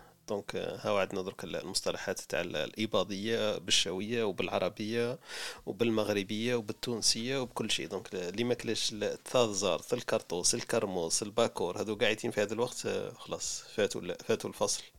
وما راهش عايش في البيئة تاعو اللي ما فيهاش كرطوس أنا قلت لكم هنايا في في في قاع قاع الجبال تاعهم تاع تاع سويسريين كليت عندهم الكرطوس هذه الأيام. donc voilà. نواصلوا الدندنة نتاع تاع الصباح تاعنا مع خوتنا معنا خوتنا اللي التحقوا بنا أهلا وسهلا بهم نرحبوا بهم وندندنوا هذا الصباح حول محور البيئة. وكما قلنا من من جانب البيئة النفسية حتى البيئة الاجتماعية والبيئة الفكرية والبيئة الطبيعية من جانبها المختلفة. الكرموس في الجنوب كذلك نزيد حاجة برك على البيئه البيئة الطبيعية برك. آه أنا نسمع بزاف إدريس بركان في هذا ال sens نطفل عليه في هذه يتكلم بزاف على واحد الحاجة واسمها قال لك هو قال لك آه، البيئة الطبيعية المشكلة تاعها كي تحطها مع l'économie وكأنه تتنافى.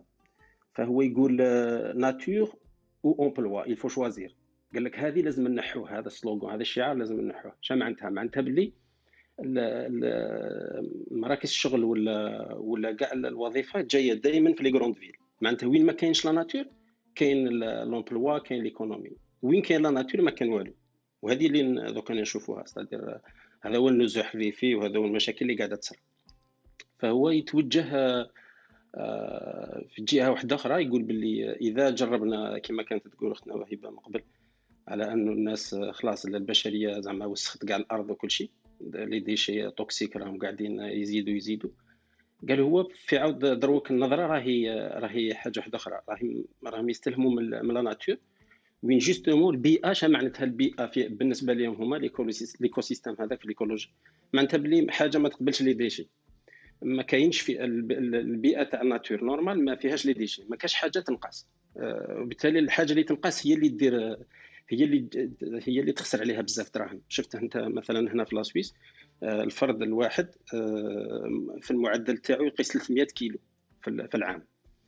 ف 300 كيلو هذيك تستقام بزاف دراهم وداخلة فيها les impôts بزاف باش غير تبقى زعما البيئة تاعهم نقية بصح هما quand même ما قاعدين يقيسوهم. الهدف من التفكير هذا هما كيفاش ي connectew تخيل كل حاجة عندها input output ال output تاعها إلا كان déchet ونخسروا عليه دراهم بان ندوه ندفنه في جهة أخرى هذا التفكير غير سليم. ففي عاود نقولوا للناس ما ما ديروش هذيك الحاجة. قال كيفاش حنايا les occidentaux هذو 40 سنة هما قاعدين يبيعوا في قضية أنه في ال mode de vie تاعهم اللي لازم تقبض الطيارة وتسافر كيما أنت كيما الناس. قال لهم بعد كي طلعوا les Chinois والهنود والهند كي طلعت ولات عندها niveau de vie ولاو كاع يبغوا ي voyageوا ولا يقولوا stop stop ما لازمش نديروا هكا قال ما تقدرش. خلاص دوك ما يقدرش ي freinوهم. كاع الناس اللي باغيه ت voyage donc إلى رحنا في هذا ال système تاع نحو ن réduisو هذيك الحاجة ولا نقصوا منها. قال هذا sûr راح نفشلوا فيها. فقال إذا connectينا شكاين ال input مع ال output ولا ال output مع ال input تاع حاجة واحدة أخرى نقدروا نديروا ان ايكو سيستم اللي يخدم آه، بروحه هكا. كاين منهم برك اللي لكم باغيين vraiment intéressaw تجربه شابة بزاف بزاف. أنا عجبتني بزاف شغل أنا نسميها الفن في التفكير ديريكت فريمون الفن في الابداع ولا كرياتيفيتي تاع تاع غونتر هو المونتور غونتر باولي هذا غونتر باولي هذا راح لواحد واحد الجزيره في الاسبان هيليرو هذه وطلع الدخل الدخل تاعهم السنوي طلعوا حتى ل 75000 اورو بار اني معناتها فات لونجلتير وكاع آه ولي حتى les Espagnols مش قادرين ولاو يروحوا من باش يروحوا يديروا يربوا يربوا الحوت وكل شيء. donc دار دار دار vraiment انقلاب ودخل فيها ال intelligence artificielle دخل فيها ال énergie verte شوف تشوف العجب العجب تشوفوا في هذاك ال projet.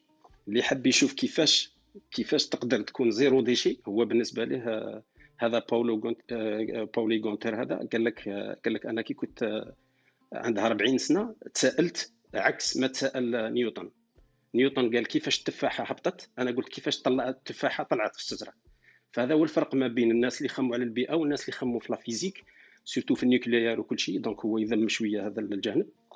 mais يستعمل كاع هو مو ضد حتى حاجة يستعمل كاع les nouvelles technologies حتى ال intelligence artificielle باش ي économiser l'utilisation تاع الريح باش المهم تشوف la créativité اللي كاينة في ال projet تاعو تفهم باللي كاين quand même فكر شباب ويبعث على الأمل.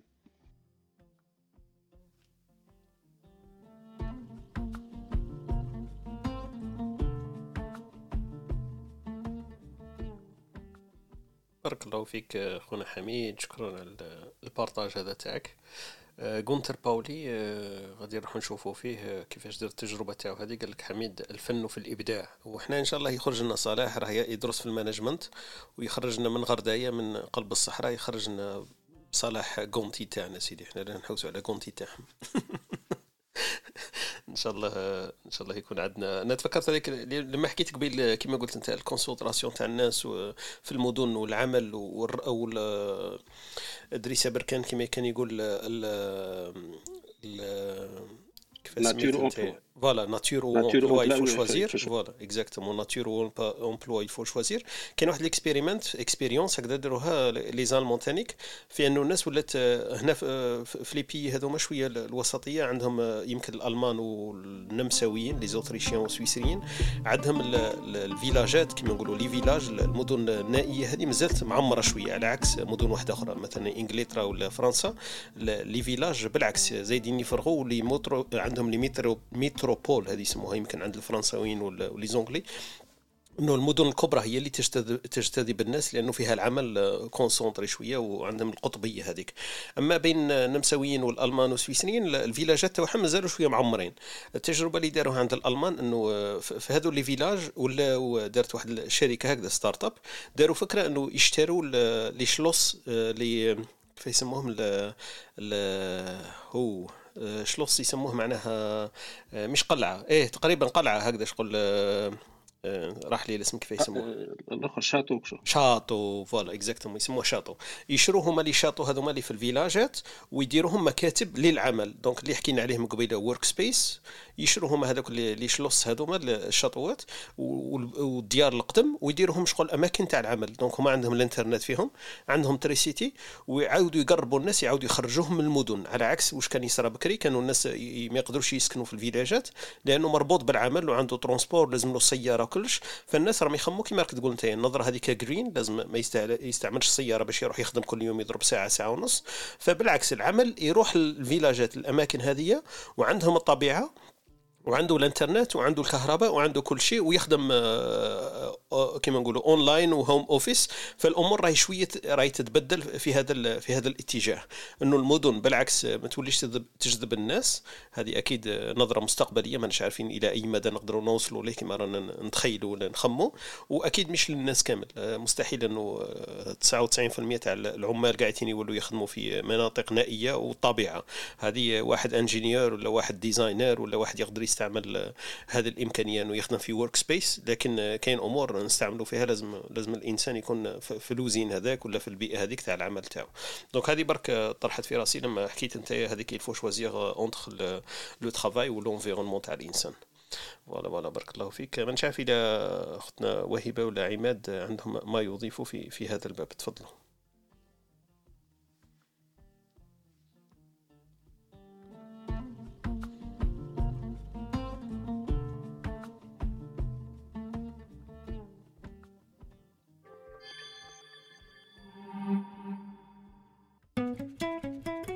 أنتم تستمعون إلى إسبريسو توك مع طارق. يأتيكم يوميا ما عدا السبت والأحد من التاسعة إلى الحادية عشر بتوقيت أوروبا الوسطى وبيرن. تجدون فيها موسيقى، حوارات، أقوال، عبر وعبارات. استمتاع واستفادة يوميا. استمتاع واستفادة يوميا شكرا لاستماعكم لبرنامجنا. كنتم مع إسبريسو توك مع طارق. تابعونا live يوميا من الاثنين حتى الجمعة. تجدون تسجيل في شكل بودكاست على موقعنا ام أو على سبوتيفاي أو أبل بودكاست أو منصتكم المفضلة للبودكاست. لا تنسى أن تشاركه مع من يمكن أن يهمه موضوع الحلقة. ليصلك تنبيه عند بدء غرفنا الرجاء الانضمام إلى ال club ام عبر الضغط على البيت الأخضر في الأعلى.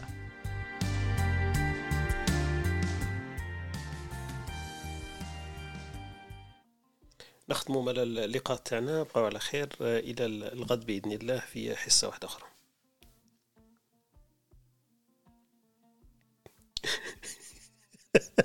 خالد. ما فهمت والو. أنا ثاني ما فهمت والو. حبيت أخوف خالد. على على خالد. يعني أنا قلت نقول لكم على الأقل صباح الخير تصبح حتى حبيت أخوف خالد نقول له خلاص راهي نبقاو على خير. صباح الخير خالد كنت نمزح برك. صباح الخير كيف حالك؟ ربي يحفظك إن شاء الله أخويا طارق كيف حالك وأحوالك؟ ربي يحفظك إن شاء الله. اليوم كيف حالك وأحوالك؟ حضر معنا اون بيرسون صاحبي وحكى لنا على الكرطوس والكرموس. آه الله يبارك. آه ياسين حكى لنا. بصح قالنا راني غلط غلطة قالنا راني دخل عليها غير مين فاي تخيل. واش رأيك خالد؟ نعطيني القهوة تاعي على الأقل و... آه نعطيك الإسبريسو. نحطها لك مصباح واجدة ليك يبرد درك نعاود نسخنها ندير لك واحدة أخرى نصبر ندير لك واحدة أخرى إن شاء الله. ربي يبارك والله الله غالب ما ما قعدتش كاش مشكل؟ كيف كيف الحال عندك أنت في هذه الصباحية؟ والله الحمد لله امطار كبيره أنا في الجهه هذه. آه ما كيف كيف؟ انت انت أنت وجيجل كيف كيف؟ آه الحمد لله. كيفاش؟ إحنا عندنا الحالة ناشفه هنايا لكن في جيجل كيف كيف. اليوم حكينا بزاف على البيئة وعلى المحيط وعلى الوسط وعلى المناخ وعلى الجو. خلطناها قاعدين صباح كما تعرف حميد واليوم مازال ما قاليش عندي سؤال. نستنى في درك يخرج لي هذيك عندي سؤال صغير برك. حكى لنا على على العمل والفصل بين العمل والسكن قال لك. لكن السؤال مازال ما طرحوش. نستناو فيك وقت تجي يطرح السؤال. داير خالد هذا هو السؤال تاعي. كشفتي والله اشفق عليا اشفق عليا شفت كيفاش؟ يا الله يلا خالد ماذا تحكي لنا في في البيئه يفاتك خالتي راني هدرت معها صباح بعثت لي هكذا المصطلحات تاعها لكن تقدر تسمعها من بعد في البودكاست مسجلين. لكن انت اعطينا البيئه ماذا تعني لك في في مفهومك يا خالد؟ والله بالضبط أنا جيت parce que البارح حكينا وقلت لك احتمال نجي ومن بعد جيت في occupé صح. آه ما أنا البيئة نشوف فيها مقدان جانب كاين الجانب فيما يخص آه تأثير البيئة كعامل في تشكيل شخصية البنادم اللي هي تقريبا تكون 80% تقريبا في تشكيل شخصية البنادم بالإضافة إلى العامل الوراثي وما إلى ذلك كما تعرفون كامل. ونشوف فيها البيئة ثاني من جانب كعامل رئيسي في التنمية في التنمية المستدامة اليوم. البيئة تنسب حتى تضاف إلى العامل الاجتماعي. وتضاف أيضا إلى العامل الاقتصادي. العامل البيئي هو عامل آه، يدخل بقوة خاصة في العشر سنين القادمة في قضية التنمية المستدامة. البيئة من ناحية الموارد البشرية من ناحية الموارد أيضا الطبيعية وتدخلها أيضا في في النمو نتاع الأمم من الجانب المحلي والجانب الدولي وحتى الجانب الأممي. هذا هو عموما يعني من الجانب العام. آه، البيئة كما نعرفوها نحن كي تقولوا البيئة يعرفها مباشرة بالمحيط وكيفاش تتدخل البيئة آه، في تطوير البنادم من الناحية النفسية ومن الناحية آه، الشخصية ومن ناحية نجاح وفشل وما إلى ذلك. وثاني كاين البيئة البيئة كعامل في التنمية يدرسوه الخبراء نتاعو في قضية التنمية نتاع الدول. فالبيئة نشوف فيها ترونش تروزيام واحد على ثلاثة من العوامل اللي جنب العامل الاجتماعي والعامل الاقتصادي اللي تنشط عليه اليوم الدول من أجل فرض نفوذها وفرض آه، سيطرتها ولا تقدمها وتميزها على باقي الأمم. هذا عموما كمقدمة تاع واحد جا في الأخ بارك الله فيكم. هذا. عجبتني تاع مقدمة جا واحد في الآخر مبدع مبدع خالد عنده في كل حرف إبداع ماشي في كل كلمة. بارك الله فيك خالد يعطيك الصحة. دونك راك حكيت لنا شوية على هذه الأمور يمكن ما حكيناش عليها يعني راح نفاجئك أنه أنه البيئة قادرة تكون وسيلة من وسائل الضغط عند الأمم. صح إحنا نشوفوا درك القرارات والأمم كذا بقرار أنه لسبب ضغوطات آه، ما عارف أنا بيئية يمنعوا لك آه، أمور هكذا داخلة في يمكن في, في الاقتصاد تاعك ولا في الإنتاج تاعك ولا في السياحة تاعك يقول لك ممنوع يستعملوا عليك كوسيلة ضغط آه، بسبب البيئة. وكاين يمكن ثاني في في يستعملوها كبطاقة رابحة في في تقدم الدول. مثلا الدول اللي نحسبوها درك إحنا متقدمة إلا كانت مش مراعية البيئة وما عندهاش نظام بيئي وتحافظ على على السي أو 2 وتحافظ على الطاقة المتجددة كلش تعتبر غير متقدمة لأنه ما عندهاش الطاقات المتجددة في هذاك الدولة هذيك. وكما قلت أنت عامل من عوامل التنمية إحنا نشوفوا باللي السنين الجاية هذه راح راح تولي البيئة هي هي الموتور هي اللوكوموتيف تاع تاع تاع الدول والإقتصاد تاعها لأنه كله راه كما قالوا تتنافس على ماذا يخلف المحروقات في هذه الطاقات. وخير دليل اللي نعرفهم حنايا تسلا والبطاريات الكهربائية والسيارات الكهربائية والأمور هذه. donc هذه أكيد تدخل في العامل الاقتصادي لتنمية الشعوب والدول. voilà من هذا الباب اللي حكينا عليه خونا خالد. donc voilà المداخلة تاع خونا خالد نرحبوا بخوتنا اللي راهم معنا في هذا الصباح.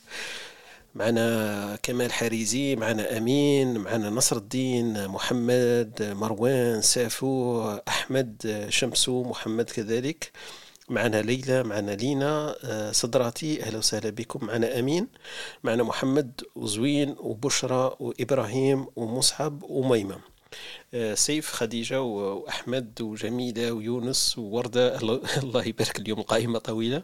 ليلى مروة نقرب نكمل وصالح. donc هذوما كامل في هذه الصباحية. أهلا وسهلا بكم جميعا. نشوف اللي خونا خالد راه يمكن عنده مشكل في, في ال connection ولا في الإنترنت. تنقطع ومتذبذبة عنده. donc معليش نخلو حتى يتسنى له الحديث. نفوتوا يمكن تفضل. ممكن. آه انت تطرح السؤال تاعك أنا عرفتك. أو عماد باش يجاوبك ها يطرح السؤال. قبل ما يطرح حميد وسامح اسمح, لي اسمح لي عماد قطعتك آه، juste باش نكمل على خالد لأن نقطة مهمه مهمة جدا. كيف تتحول البيئة إلى مصدر قرار وطريقة تفكير؟ طريقة تفكير. آه، أقول لكم من داخل آه، المفوضية الأوروبية ال European Commission كيف تقيم المشاريع كيف وكيف يدرب الساسة. يدرب الساسة على آه، طريقة اسمها PESTEL PESTEL approach ال PESTEL approach هذه في التخطيط لأي مشروع ال environment هو جزء لا يتجزأ منها.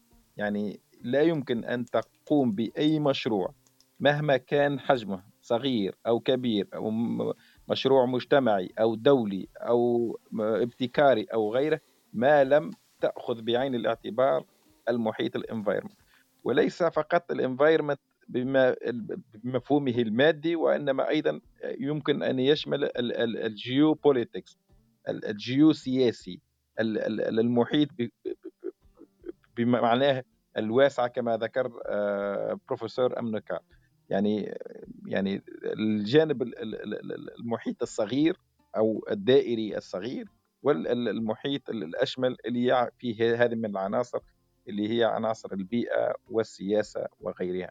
يعني هو البيئة هي طريقة تفكير والإنسان ديما يبحث يقول لك نبحث على البيئة نبحث على البيئة بعناصرها المادية وبعناصرها أيضا النفسية وبعناصرها البشرية المحيطة الفاعلة حتى يخلق معادلة كيميائية آه، تكون سليمة.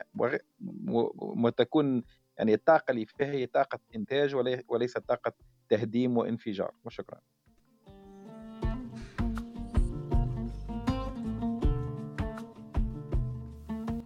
بارك الله فيك خويا عماد. ال PESTEL آه، آه، هي acronym. ومعناها ال PESTEL political economic social technological legal and environmental factors donc هذه برك لتعريف ال PESTEL environmental داخلة فيها في في ال E الأخيرة يمكن صح؟ شكرا لك خونا عماد. آه، خالد رجع واسترجعناه تفضل خالد. على بالنا. على بالنا باللي عندك ظروف ال connection صعيبة شوية. صباح الخير خالد صباح الخير. كيف الحال؟ هذه غيبه مش نسمع فيك مليح okay صح هذاك مليح دقيقه لا قصدي خالد ما تسمع فيك مليح أنا صوتي مسموع درك خلاص. أنا عرفت. انت صوتك انت صوتك راه مسموع باين بيان. هيا باهي. هكا مليح الله هكذا مليح. باهي. آه، حبيت نكمل برك الفكرة اللي حكى عليها الأستاذ عماد في قضية ال... حتى الأزمة البيئية اللي صارية مؤخرا حتى في قضية صناعة السيارات الكهربائية واللي حدث عليها ضجة كبيرة وكاينك ال rapport هذاك بين technico-économique بارت فيها أنه اليوم كان راح يصرى واحد الانخفاض كبير في قضية استعمال surtout ال full electric vehicles آه، اللي تعتمد على البطاريات. وتعرفوا باللي صناعة البطاريات تهدد كبير البيئة حيث أنه استخراج المادة الخام تاع الليثيوم تولي الأرض هذيك غير قابلة للزراعة. فهنا وهي عادة المادة الخام آه، تتمركز ياسر في زوج دول اللي هما الله أعلم صربيا وبولندا. ومؤخرا اتهموا حتى إيلون ماسك لأنه كان ي négocier على على المادة الخام هذيك بانه الأزمة السياسية اللي وقعت في في بولندا مؤخرا كان هو سببها. آه، لأنه كان يحتاج يستحوذ لأنه راح يصير تأخير كبير في آه، في الخمس سنوات القادمة قال لك بين 2022 و 2027 راح يكون انخفاض تاع إنتاج 5 مليون سيارة. آه، هذا في أرتيكل قريته مؤخرا. وبالتالي الشيء اللي حبيت نقوله أنه كما كان يحكي على الجيوبوليتيك وكذا أنه البيئة كعنصر نشوف فيها كثلث بيئة من ناحية الموارد البشرية والنمو الديموغرافي والبيئة من ناحية التكنولوجيا آه، وتسارعها. آه، والبيئة أيضا من ناحية ال changement climatique اللي يشهده العالم اليوم آه، باختلاف المعايير نتاعها وأكيد كون جا مختص هنا قادر يحكي عليها. هذه كامل تأثر تأثر في التقدم وتأثر في التنمية. شكرا.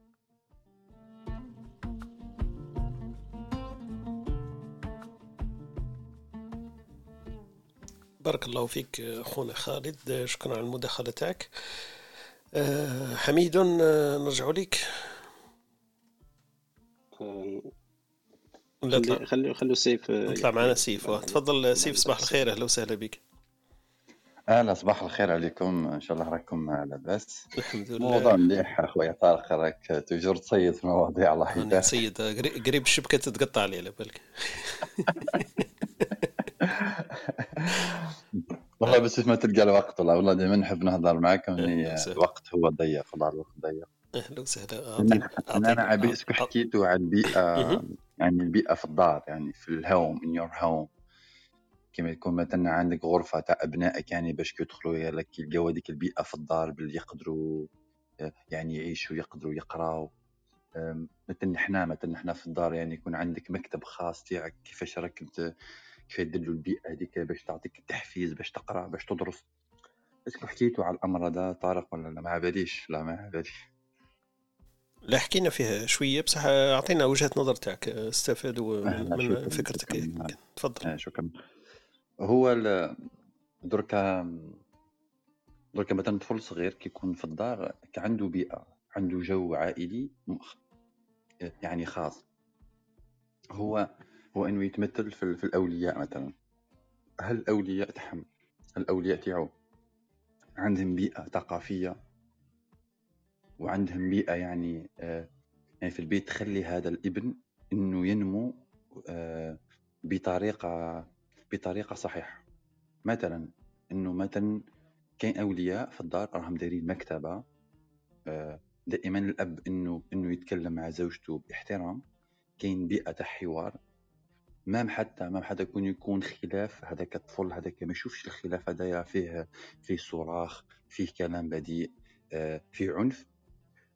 هذه البيئة هذه البيئة تساعد إنه الإبن الصغير هذايا إنه يكون هو من الجيل الصاعد الناجح.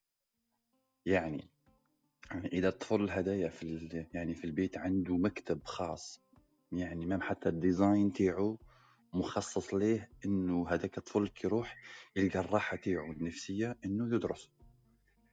هاد ال هاد ال هاد البيئة دي آه آه عندي آه يعني عندي بعض الأصدقاء آه كي تروح عندهم آه يعني تلقى واحد المكتبة شغل حتى الكتب تلقاهم في الأرض محطوطين عندهم حتى بلاكار حاطين فيه في, في les cartons يقول لك مثلا أني قريت الكتاب هذاك قريت الكتاب هذاك هذاك تعطيه ال titre يقول لك هذاك هذاك. من بعد من بعد كي كي عرفت مثلا بلي إنه إنه أنا كي كنت صغير باش تعلمت يعني نقرأ الكتب آه بالك l'âge de douze ans 13 ans باش يعني بدينا أنا والوالدة تاعي مشروع إنه نقراو لي ليفغ ونديروا هاد آه هاد المشاريع يعني تاع الأفكار وبناء الأفكار و ولكن في ولكن في المجتمعات ما باليش أنا بالك العربية يعني كاين كاين ثقافة يعني قليلة إنه إنه إنه نركزوا على ال... على تربية الأبناء في بيئة سليمة. والبيئة السليمة كما كنت نهضر لازم تكون فيها معايير إنه ت... إنه الأبناء اللي راح يكونوا في المستقبل لازم يكون عندهم ما تكونش عندهم ذكريات سيئة في الكبر. كيكونوا كبار وما تكونش عندهم في الكبر يعني عوائق مثلا لغوية ولا عوائق يعني في الفهم ولا في طرح السؤال. ولا في مناقشة ولا في مناقشة فكرة أنا أعتقد أنه حتى البيئة حتى البيئة العائلية تلعب دور كما البيئة في الشارع وكما البيئة في حتى باش نبنيو يعني بيئة يعني نفسية ملائمة لل يعني المجتمع تاعنا يكون مجتمع عنده بيئة نظيفة. هذه الفكرة تاعي اللي حبيت نشارككم بها وإن شاء الله بالك عبد الحميد يزيدني شوية. تفضل طارق تفضل. بارك الله فيك يعطيك الصحة أخويا سيف لا المداخلة تاعك مهمة. إحنا فيما حكينا صباح فيما قلنا حكينا على صح البيئة الطبيعية أكيد وبيئة العمل والتربية والعيش هذوما زوج اللي أنت حكيت عليهم صح مهمين. دونك بيئة الحوار وبيئة تربية الأطفال والإنسان كما قلنا قبيل ابن بيئته. فإذا هو نشأ في بيئة علمية وبيئة كما نقولوا تفضل ولا تبجل التفكير وتفضل العقل وعندها طريقة حوار ونقاش وطريقة علمية وطريقة منطقية وكلش فأكيد ذاك الطفل مش راح يخرج على عكس ذلك في الأغلب. لأن في الغالب إذا كان البيئة تاعو هذيك معناها محفزة ومساعدة كما طرق خونا عماد قبيل قال لك كاين البيئة المثبطة وكاين البيئة المحفزة. دونك من البيئات المحفزة أكيد لما يكون الإنسان عنده البيئة هذيك. على ذكر البيئة نستغل الفرصة ونعطيكم الكبسولة يمكن اللغوية تاعنا اليوم لأنه عندها علاقة بالبيت. خونا سيف درنا المقدمة. يقال في اللغة لا تقل مكث الرجل في بيته. علاه يقول لك قل مكث الرجل ببيته. في هذيك خاطئة لأنه إحنا ما نقدرش نقولوا الفي. لماذا؟ لأن الفعل مكث يتعدى بالباء لا بالفي. donc مكث الرجل في بيته خاطئة. والأجدر ولا الأصح أن نقول مكث الرجل ببيته. دونك هذه في في كبسولتنا اللغوية ولا استفادة لغوية نستفيد منها اليوم. وكاين معلومة واحدة أخرى بما أننا نحكي على اللغة مصطلحات اللغة العربية. على بالكم باللي تتعدى 422 مليون آه، نسمة الناس تحكي باللغة العربية. حنايا رانا قوة عظمى قال الشيء الآخر. لكن آه، إحنا برك في مجتمعاتنا كما أننا نحكي على البيئة. 420 مليون نسمة ناطقة باللغة العربية. يا لو كان يكونوا يد واحدة برك لسبب اللغة. رانا رانا قوة عظمى تاع صح وتكون عندنا بيئة إن شاء الله ينمو ولا يسطعوا فيها أبناؤنا باش باش يكون عندهم كما نقولوا مستقبل زاهر تاع الصح voilà. donc هذا الدندنة الصباحية تاعنا تاع حول محور البيئة. اللي نشوف باللي رانا قربنا ال 11 ولا فتناها شوية. donc اللقاء الصباحي تاعنا في محور البيئة. غدا راح نحكيو على محور شوية مختلف ويتعلق بالإنسان مش بالمحيط لأنه مربوط بالعمر. والمحور تاعنا نحكيو فيه على الشيخوخة. donc الشيخوخة من من باب كبار السن. لا كبار مثلا اللي عندهم أفكار صغيرة ولا كبيرة لكن الإنسان لما يتقدم به العمر ويبلغ من من العمر عتية. دونك لما يتقدم به السن نشوفوا هذاك الجانب. إذا إحنا كيفاش رانا نشوفوا في هذاك المنظور؟ الأهل تاعنا أكيد اللي كان دايرين بينا ولا في المحيط تاعنا يكونوا كبار السن. الأهل والأجداد والناس اللي نعرفوهم. وكيفاش الإنسان يمكن يتخذ التدابير ولا الإجراءات باش يكون عنده آه، أرذل العمر. هذاك ما يكونش صح أرذل العمر يكون هذيك هي زهرة زهرة الحياة. وين يكون الإنسان آه، كما نقولوا وجد هذيك الفترة من الحياة لأنه قادمة قادمة لا محالة في ذلك. فهذا المحور تاع الدندنة تاعنا غدا إن شاء الله. نعود نذكركم باللي الأسبوع القادم راح نديروا break راح نديروا pause هكذا نديروا راحة ما, ما يكونش فيها Espresso Talk تاع الصباح.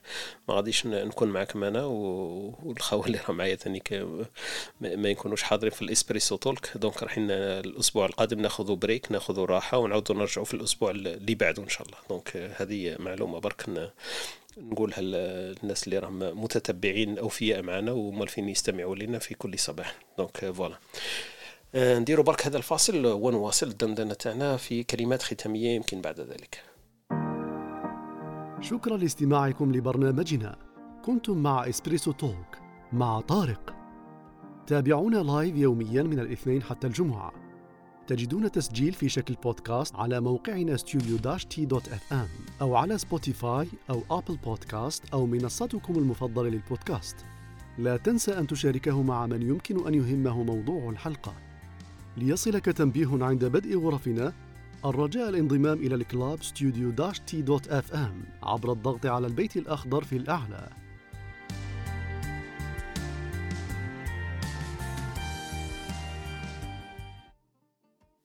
ولا أخي طارق حبيت نضيف فقط حاجة نعلق على الكبسولة الأدبية. البارحة صرا معنا موقع ظريف جدا موقف ظريف حبيت نتقاسمه معاكم. تفضل آه، إحنا كنا في روم تاع هواة يعني كنا كل واحد يلقي خواطر وكاين اللي كان منهم كتب رواية وكلش. وكنا كانت الناس تلقي بأريحية يعني. وفجأة دخل معانا مدقق لغوي يعني هو أستاذ في النحو ويعني ما شاء الله عليه متمكن جدا من اللغة العربية. أنا كي شفته أنا فهمت باللي أنا عرفته لأني تلاقيت به في رومات واحدة أخرى.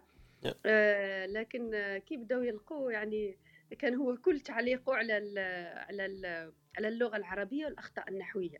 آه، إذا بعد الكل عاد خايف من الإلقاء وإلقاء الخواطر ولا الشعر نتاعهم من بعد واش داروا؟ كحيلة ذكية قلبناها شعر عامي حتى. حتى نتجاوز. صح. قلنا له والله شبعنا نقد اليوم يعني كنا نظن أنفسنا يعني المتنبي إيه. وجرير ومش عارفة. ومن بعد لقينا روحنا كاملة كل الإلقاء نتاعنا مليء بالأخطاء اللغوية يعني. وهو قال لنا كلمة جميلة جدا. قال لك إنه اللغة يعني آه، اللغة الصحيحة يعني فطرة. يعني حتى ولو كنت ما تعرفش النحو كي تسمع يعني إنه الكلمة قبلها حرف جر تعرف إنه تكون تحتها كسرة وكاع آه، قال لك آه، يعني حتى بالفطرة الإنسان يتعلم النحو واللغة العربيه وقلت له إن شاء الله نتمنى وان شاء الله بالفطرة تكون لغتنا العربية صحيحة. آه، كي قلت لك بسهوله الثقافية الأدبية تذكرت يعني الموقف نتاع البارح. صح بارك الله فيك. شكرا لك يعطيك الصحة عندي تعليق تفضل تفضل. أنا تعليق على المعنى. مكث الرجل بالبيت فالرجل لا يمكث بالبيت. ليست بيئته الطبيعية. قل لي اربطها بالموضوع. home office home office يا صاحبي. home office إيه home office لا. المكوث في اللغة هو آه، استغراق وقت طويل. يعني مكثت في مكان أي- مريض هذا الرجل مريض اللي نحكيو عليه. آه ممكن ممكن. عنده كورونا. لا عنده كورونا. عن عنده ظرف ظرف طارئ أكل كثير من الكرطوس فعنده إسهال سيدي بقى في البيت واش نديروا له؟ درك لا دركا ولا يمكن صح. ممكن أنت كي جيت لي. ترى زيته من وقتنا هذا. سابقا الرجل قال لا يمكن البيت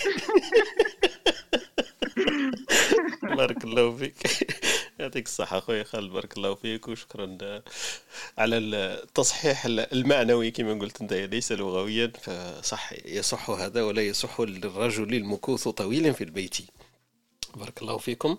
آه كما قلت لكم آه نعاود نذكر برك باللي اللقاء تاعنا مسجل ويعاد البث تاعو في آه في ال- البودكاست. donc آه لمن آه لم يستمع إلى ال spot تاعنا هذاك اللقاء تاعنا مسجله وي- ويعاد البث تاعها إن شاء الله بإذن الله. نفوتوا يمكن الكلمات الختامية. نبدأو بخونا سيف. كلمة ختامية ونختموا بها اللقاء تاعنا الصباحي هذا. تفضل.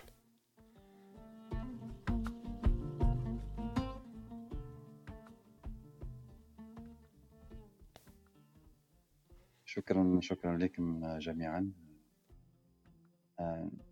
انه نتمنى نتمنى إنه إنه البيئة تاع ال- تاع العالم العربي وخاصة في الجزائر تونس المغرب كل تكون عندنا البيئه ملائمة لحياة الفرد إن شاء الله يا ربي. ونتمنى نتمنى انه نكونوا إحنا بعد مبادرة خير لمجتمعاتنا حتى ولو بكلمة طيبة إن شاء الله. وشكرا لكم جميعا. شكرا. بارك الله فيك أخونا سيف. شكرا لك. نفوتوا لخونا عماد. عماد كلمة ختامية في هذه الصباحية. تفضل. شكرا طارق شكرا حميد وهبة وخالد كل المستمعين من تونس من الجزائر من أينما كانوا. وجودنا بينكم هو وجودنا في بيئة محفزة في آه، قلوب آه، وعقول منيرة. آه، يعطيكم الصحة. أكثروا من هذه الحصص التي تدغدغ الوجدان تبعث فينا الأمل. وإن شاء الله القادم أفضل للجميع. شكرا طارق. بارك الله فيك اخويا عماد والله يكثر ثاني من امثالك ومن حضورك معنا. بقى أنت ثاني معنا حاضر إن شاء الله الأسبوع القادم. برك عندنا عطلة لا تستغرب إذا لم تجد إسبريسو تورك في الصباح لكن بعد الأسبوع القادم إن شاء الله نعود ونرجع في في عاداتنا وفي لقاءاتنا الصباحية من التاسعة إلى الحادي عشر.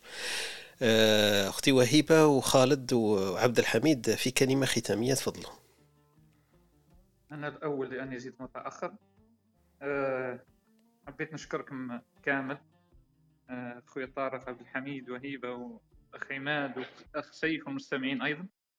أه ثانيا نحن جبنا واحد التد- التدرج أه منطقي في في ال- في الغرف نتاعنا اللي هي ال- العلم أن الإنسان يجتهد في في اكتساب المعلومة وثم المعرفة وهذا أعمق. آه، ثم الوعي. فإذا وعى الإنسان آه، عرف ما هي من حوله ما هي المتغيرات. البيئية كما حكيت من ناحية تكوين النفس وتكوين المجتمع ومن ناحية أيضا آه، إدراك متغيرات البيئية الأخرى التي تفرض على الإنسان آه، أنه هو في حد ذاته يفرض نفوذه وتميزه. وهذا وهذا هو البناء الحضاري. البناء الحضاري أنه الإنسان تكون عنده منهجية في التغيير. منهجية هذه التغيير تبدأ من الذات وتنطلق حتى تصل إلى ال- إلى ال- البيئة البيئة الصغرى الدائرة الصغيرة والدائرة الكبيرة. اللي هي في النهاية تفرض التميز آه، في المستوى المحلي في المستوى الدولي وحتى في المستوى الأممي. آه، واسمحوا لي على تأخر اليوم وبارك الله فيك. شكرا.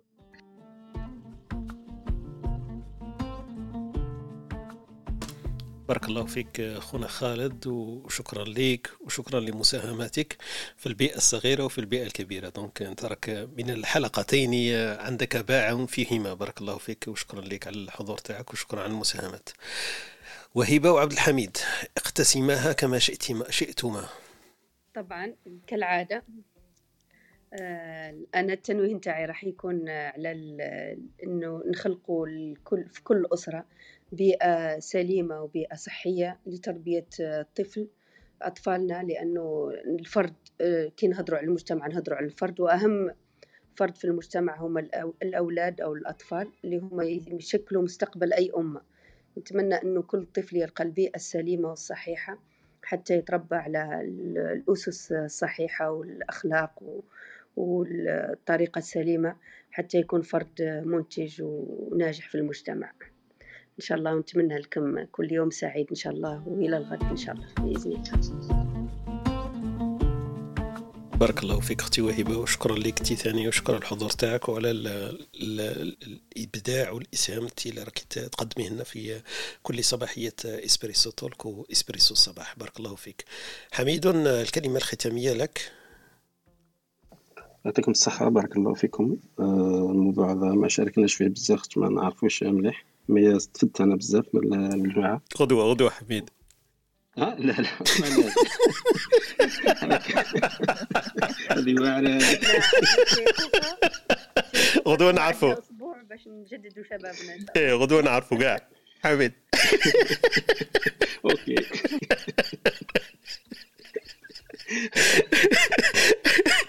أنت اللي قلت أنت اللي قلت ما نعرفوش. غدوة نعرفو كامل. الله يبارك. عندنا خبرة. كاع نبداو نعرفو كمل كمل اسمح لي. سيدي الله يعطينا إن شاء الله المهم آه، أنا نشوفها كما تكلمتوا أنتم كاع على البيئات اللي كاينين.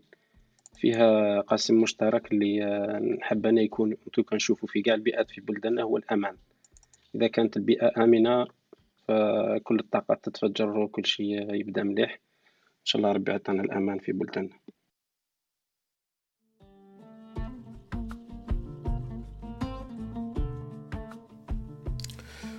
بارك الله فيك حميد وشكرا لك شكرا أنت ثاني الوقت تاعك والمجهود تاعك والوقت اللي راك تبذلو على بالي. الأمور مش سهلة باش تكون حاضر معنا وباش تشارك معنا لكن آه، كما نقولوا الغرف تاعنا من غير حضورك لا معنى لها. donc بارك الله فيك حميد وبارك الله في الخاوه اللي حضروا معنا في هذا الصباح.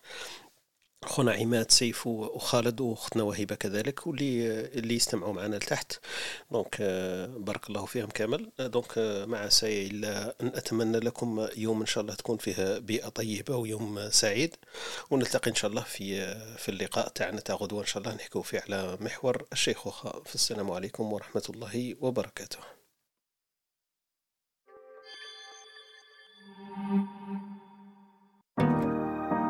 شكرا لاستماعكم لبرنامجنا. كنتم مع Espresso Talk مع طارق. تابعونا live يوميا من الاثنين حتى الجمعة. تجدون تسجيل في شكل بودكاست على موقعنا ام أو على Spotify أو Apple Podcast أو منصتكم المفضلة للبودكاست. لا تنسى أن تشاركه مع من يمكن أن يهمه موضوع الحلقة. ليصلك تنبيه عند بدء غرفنا الرجاء الانضمام إلى ال club studio dash t dot fm عبر الضغط على البيت الأخضر في الأعلى.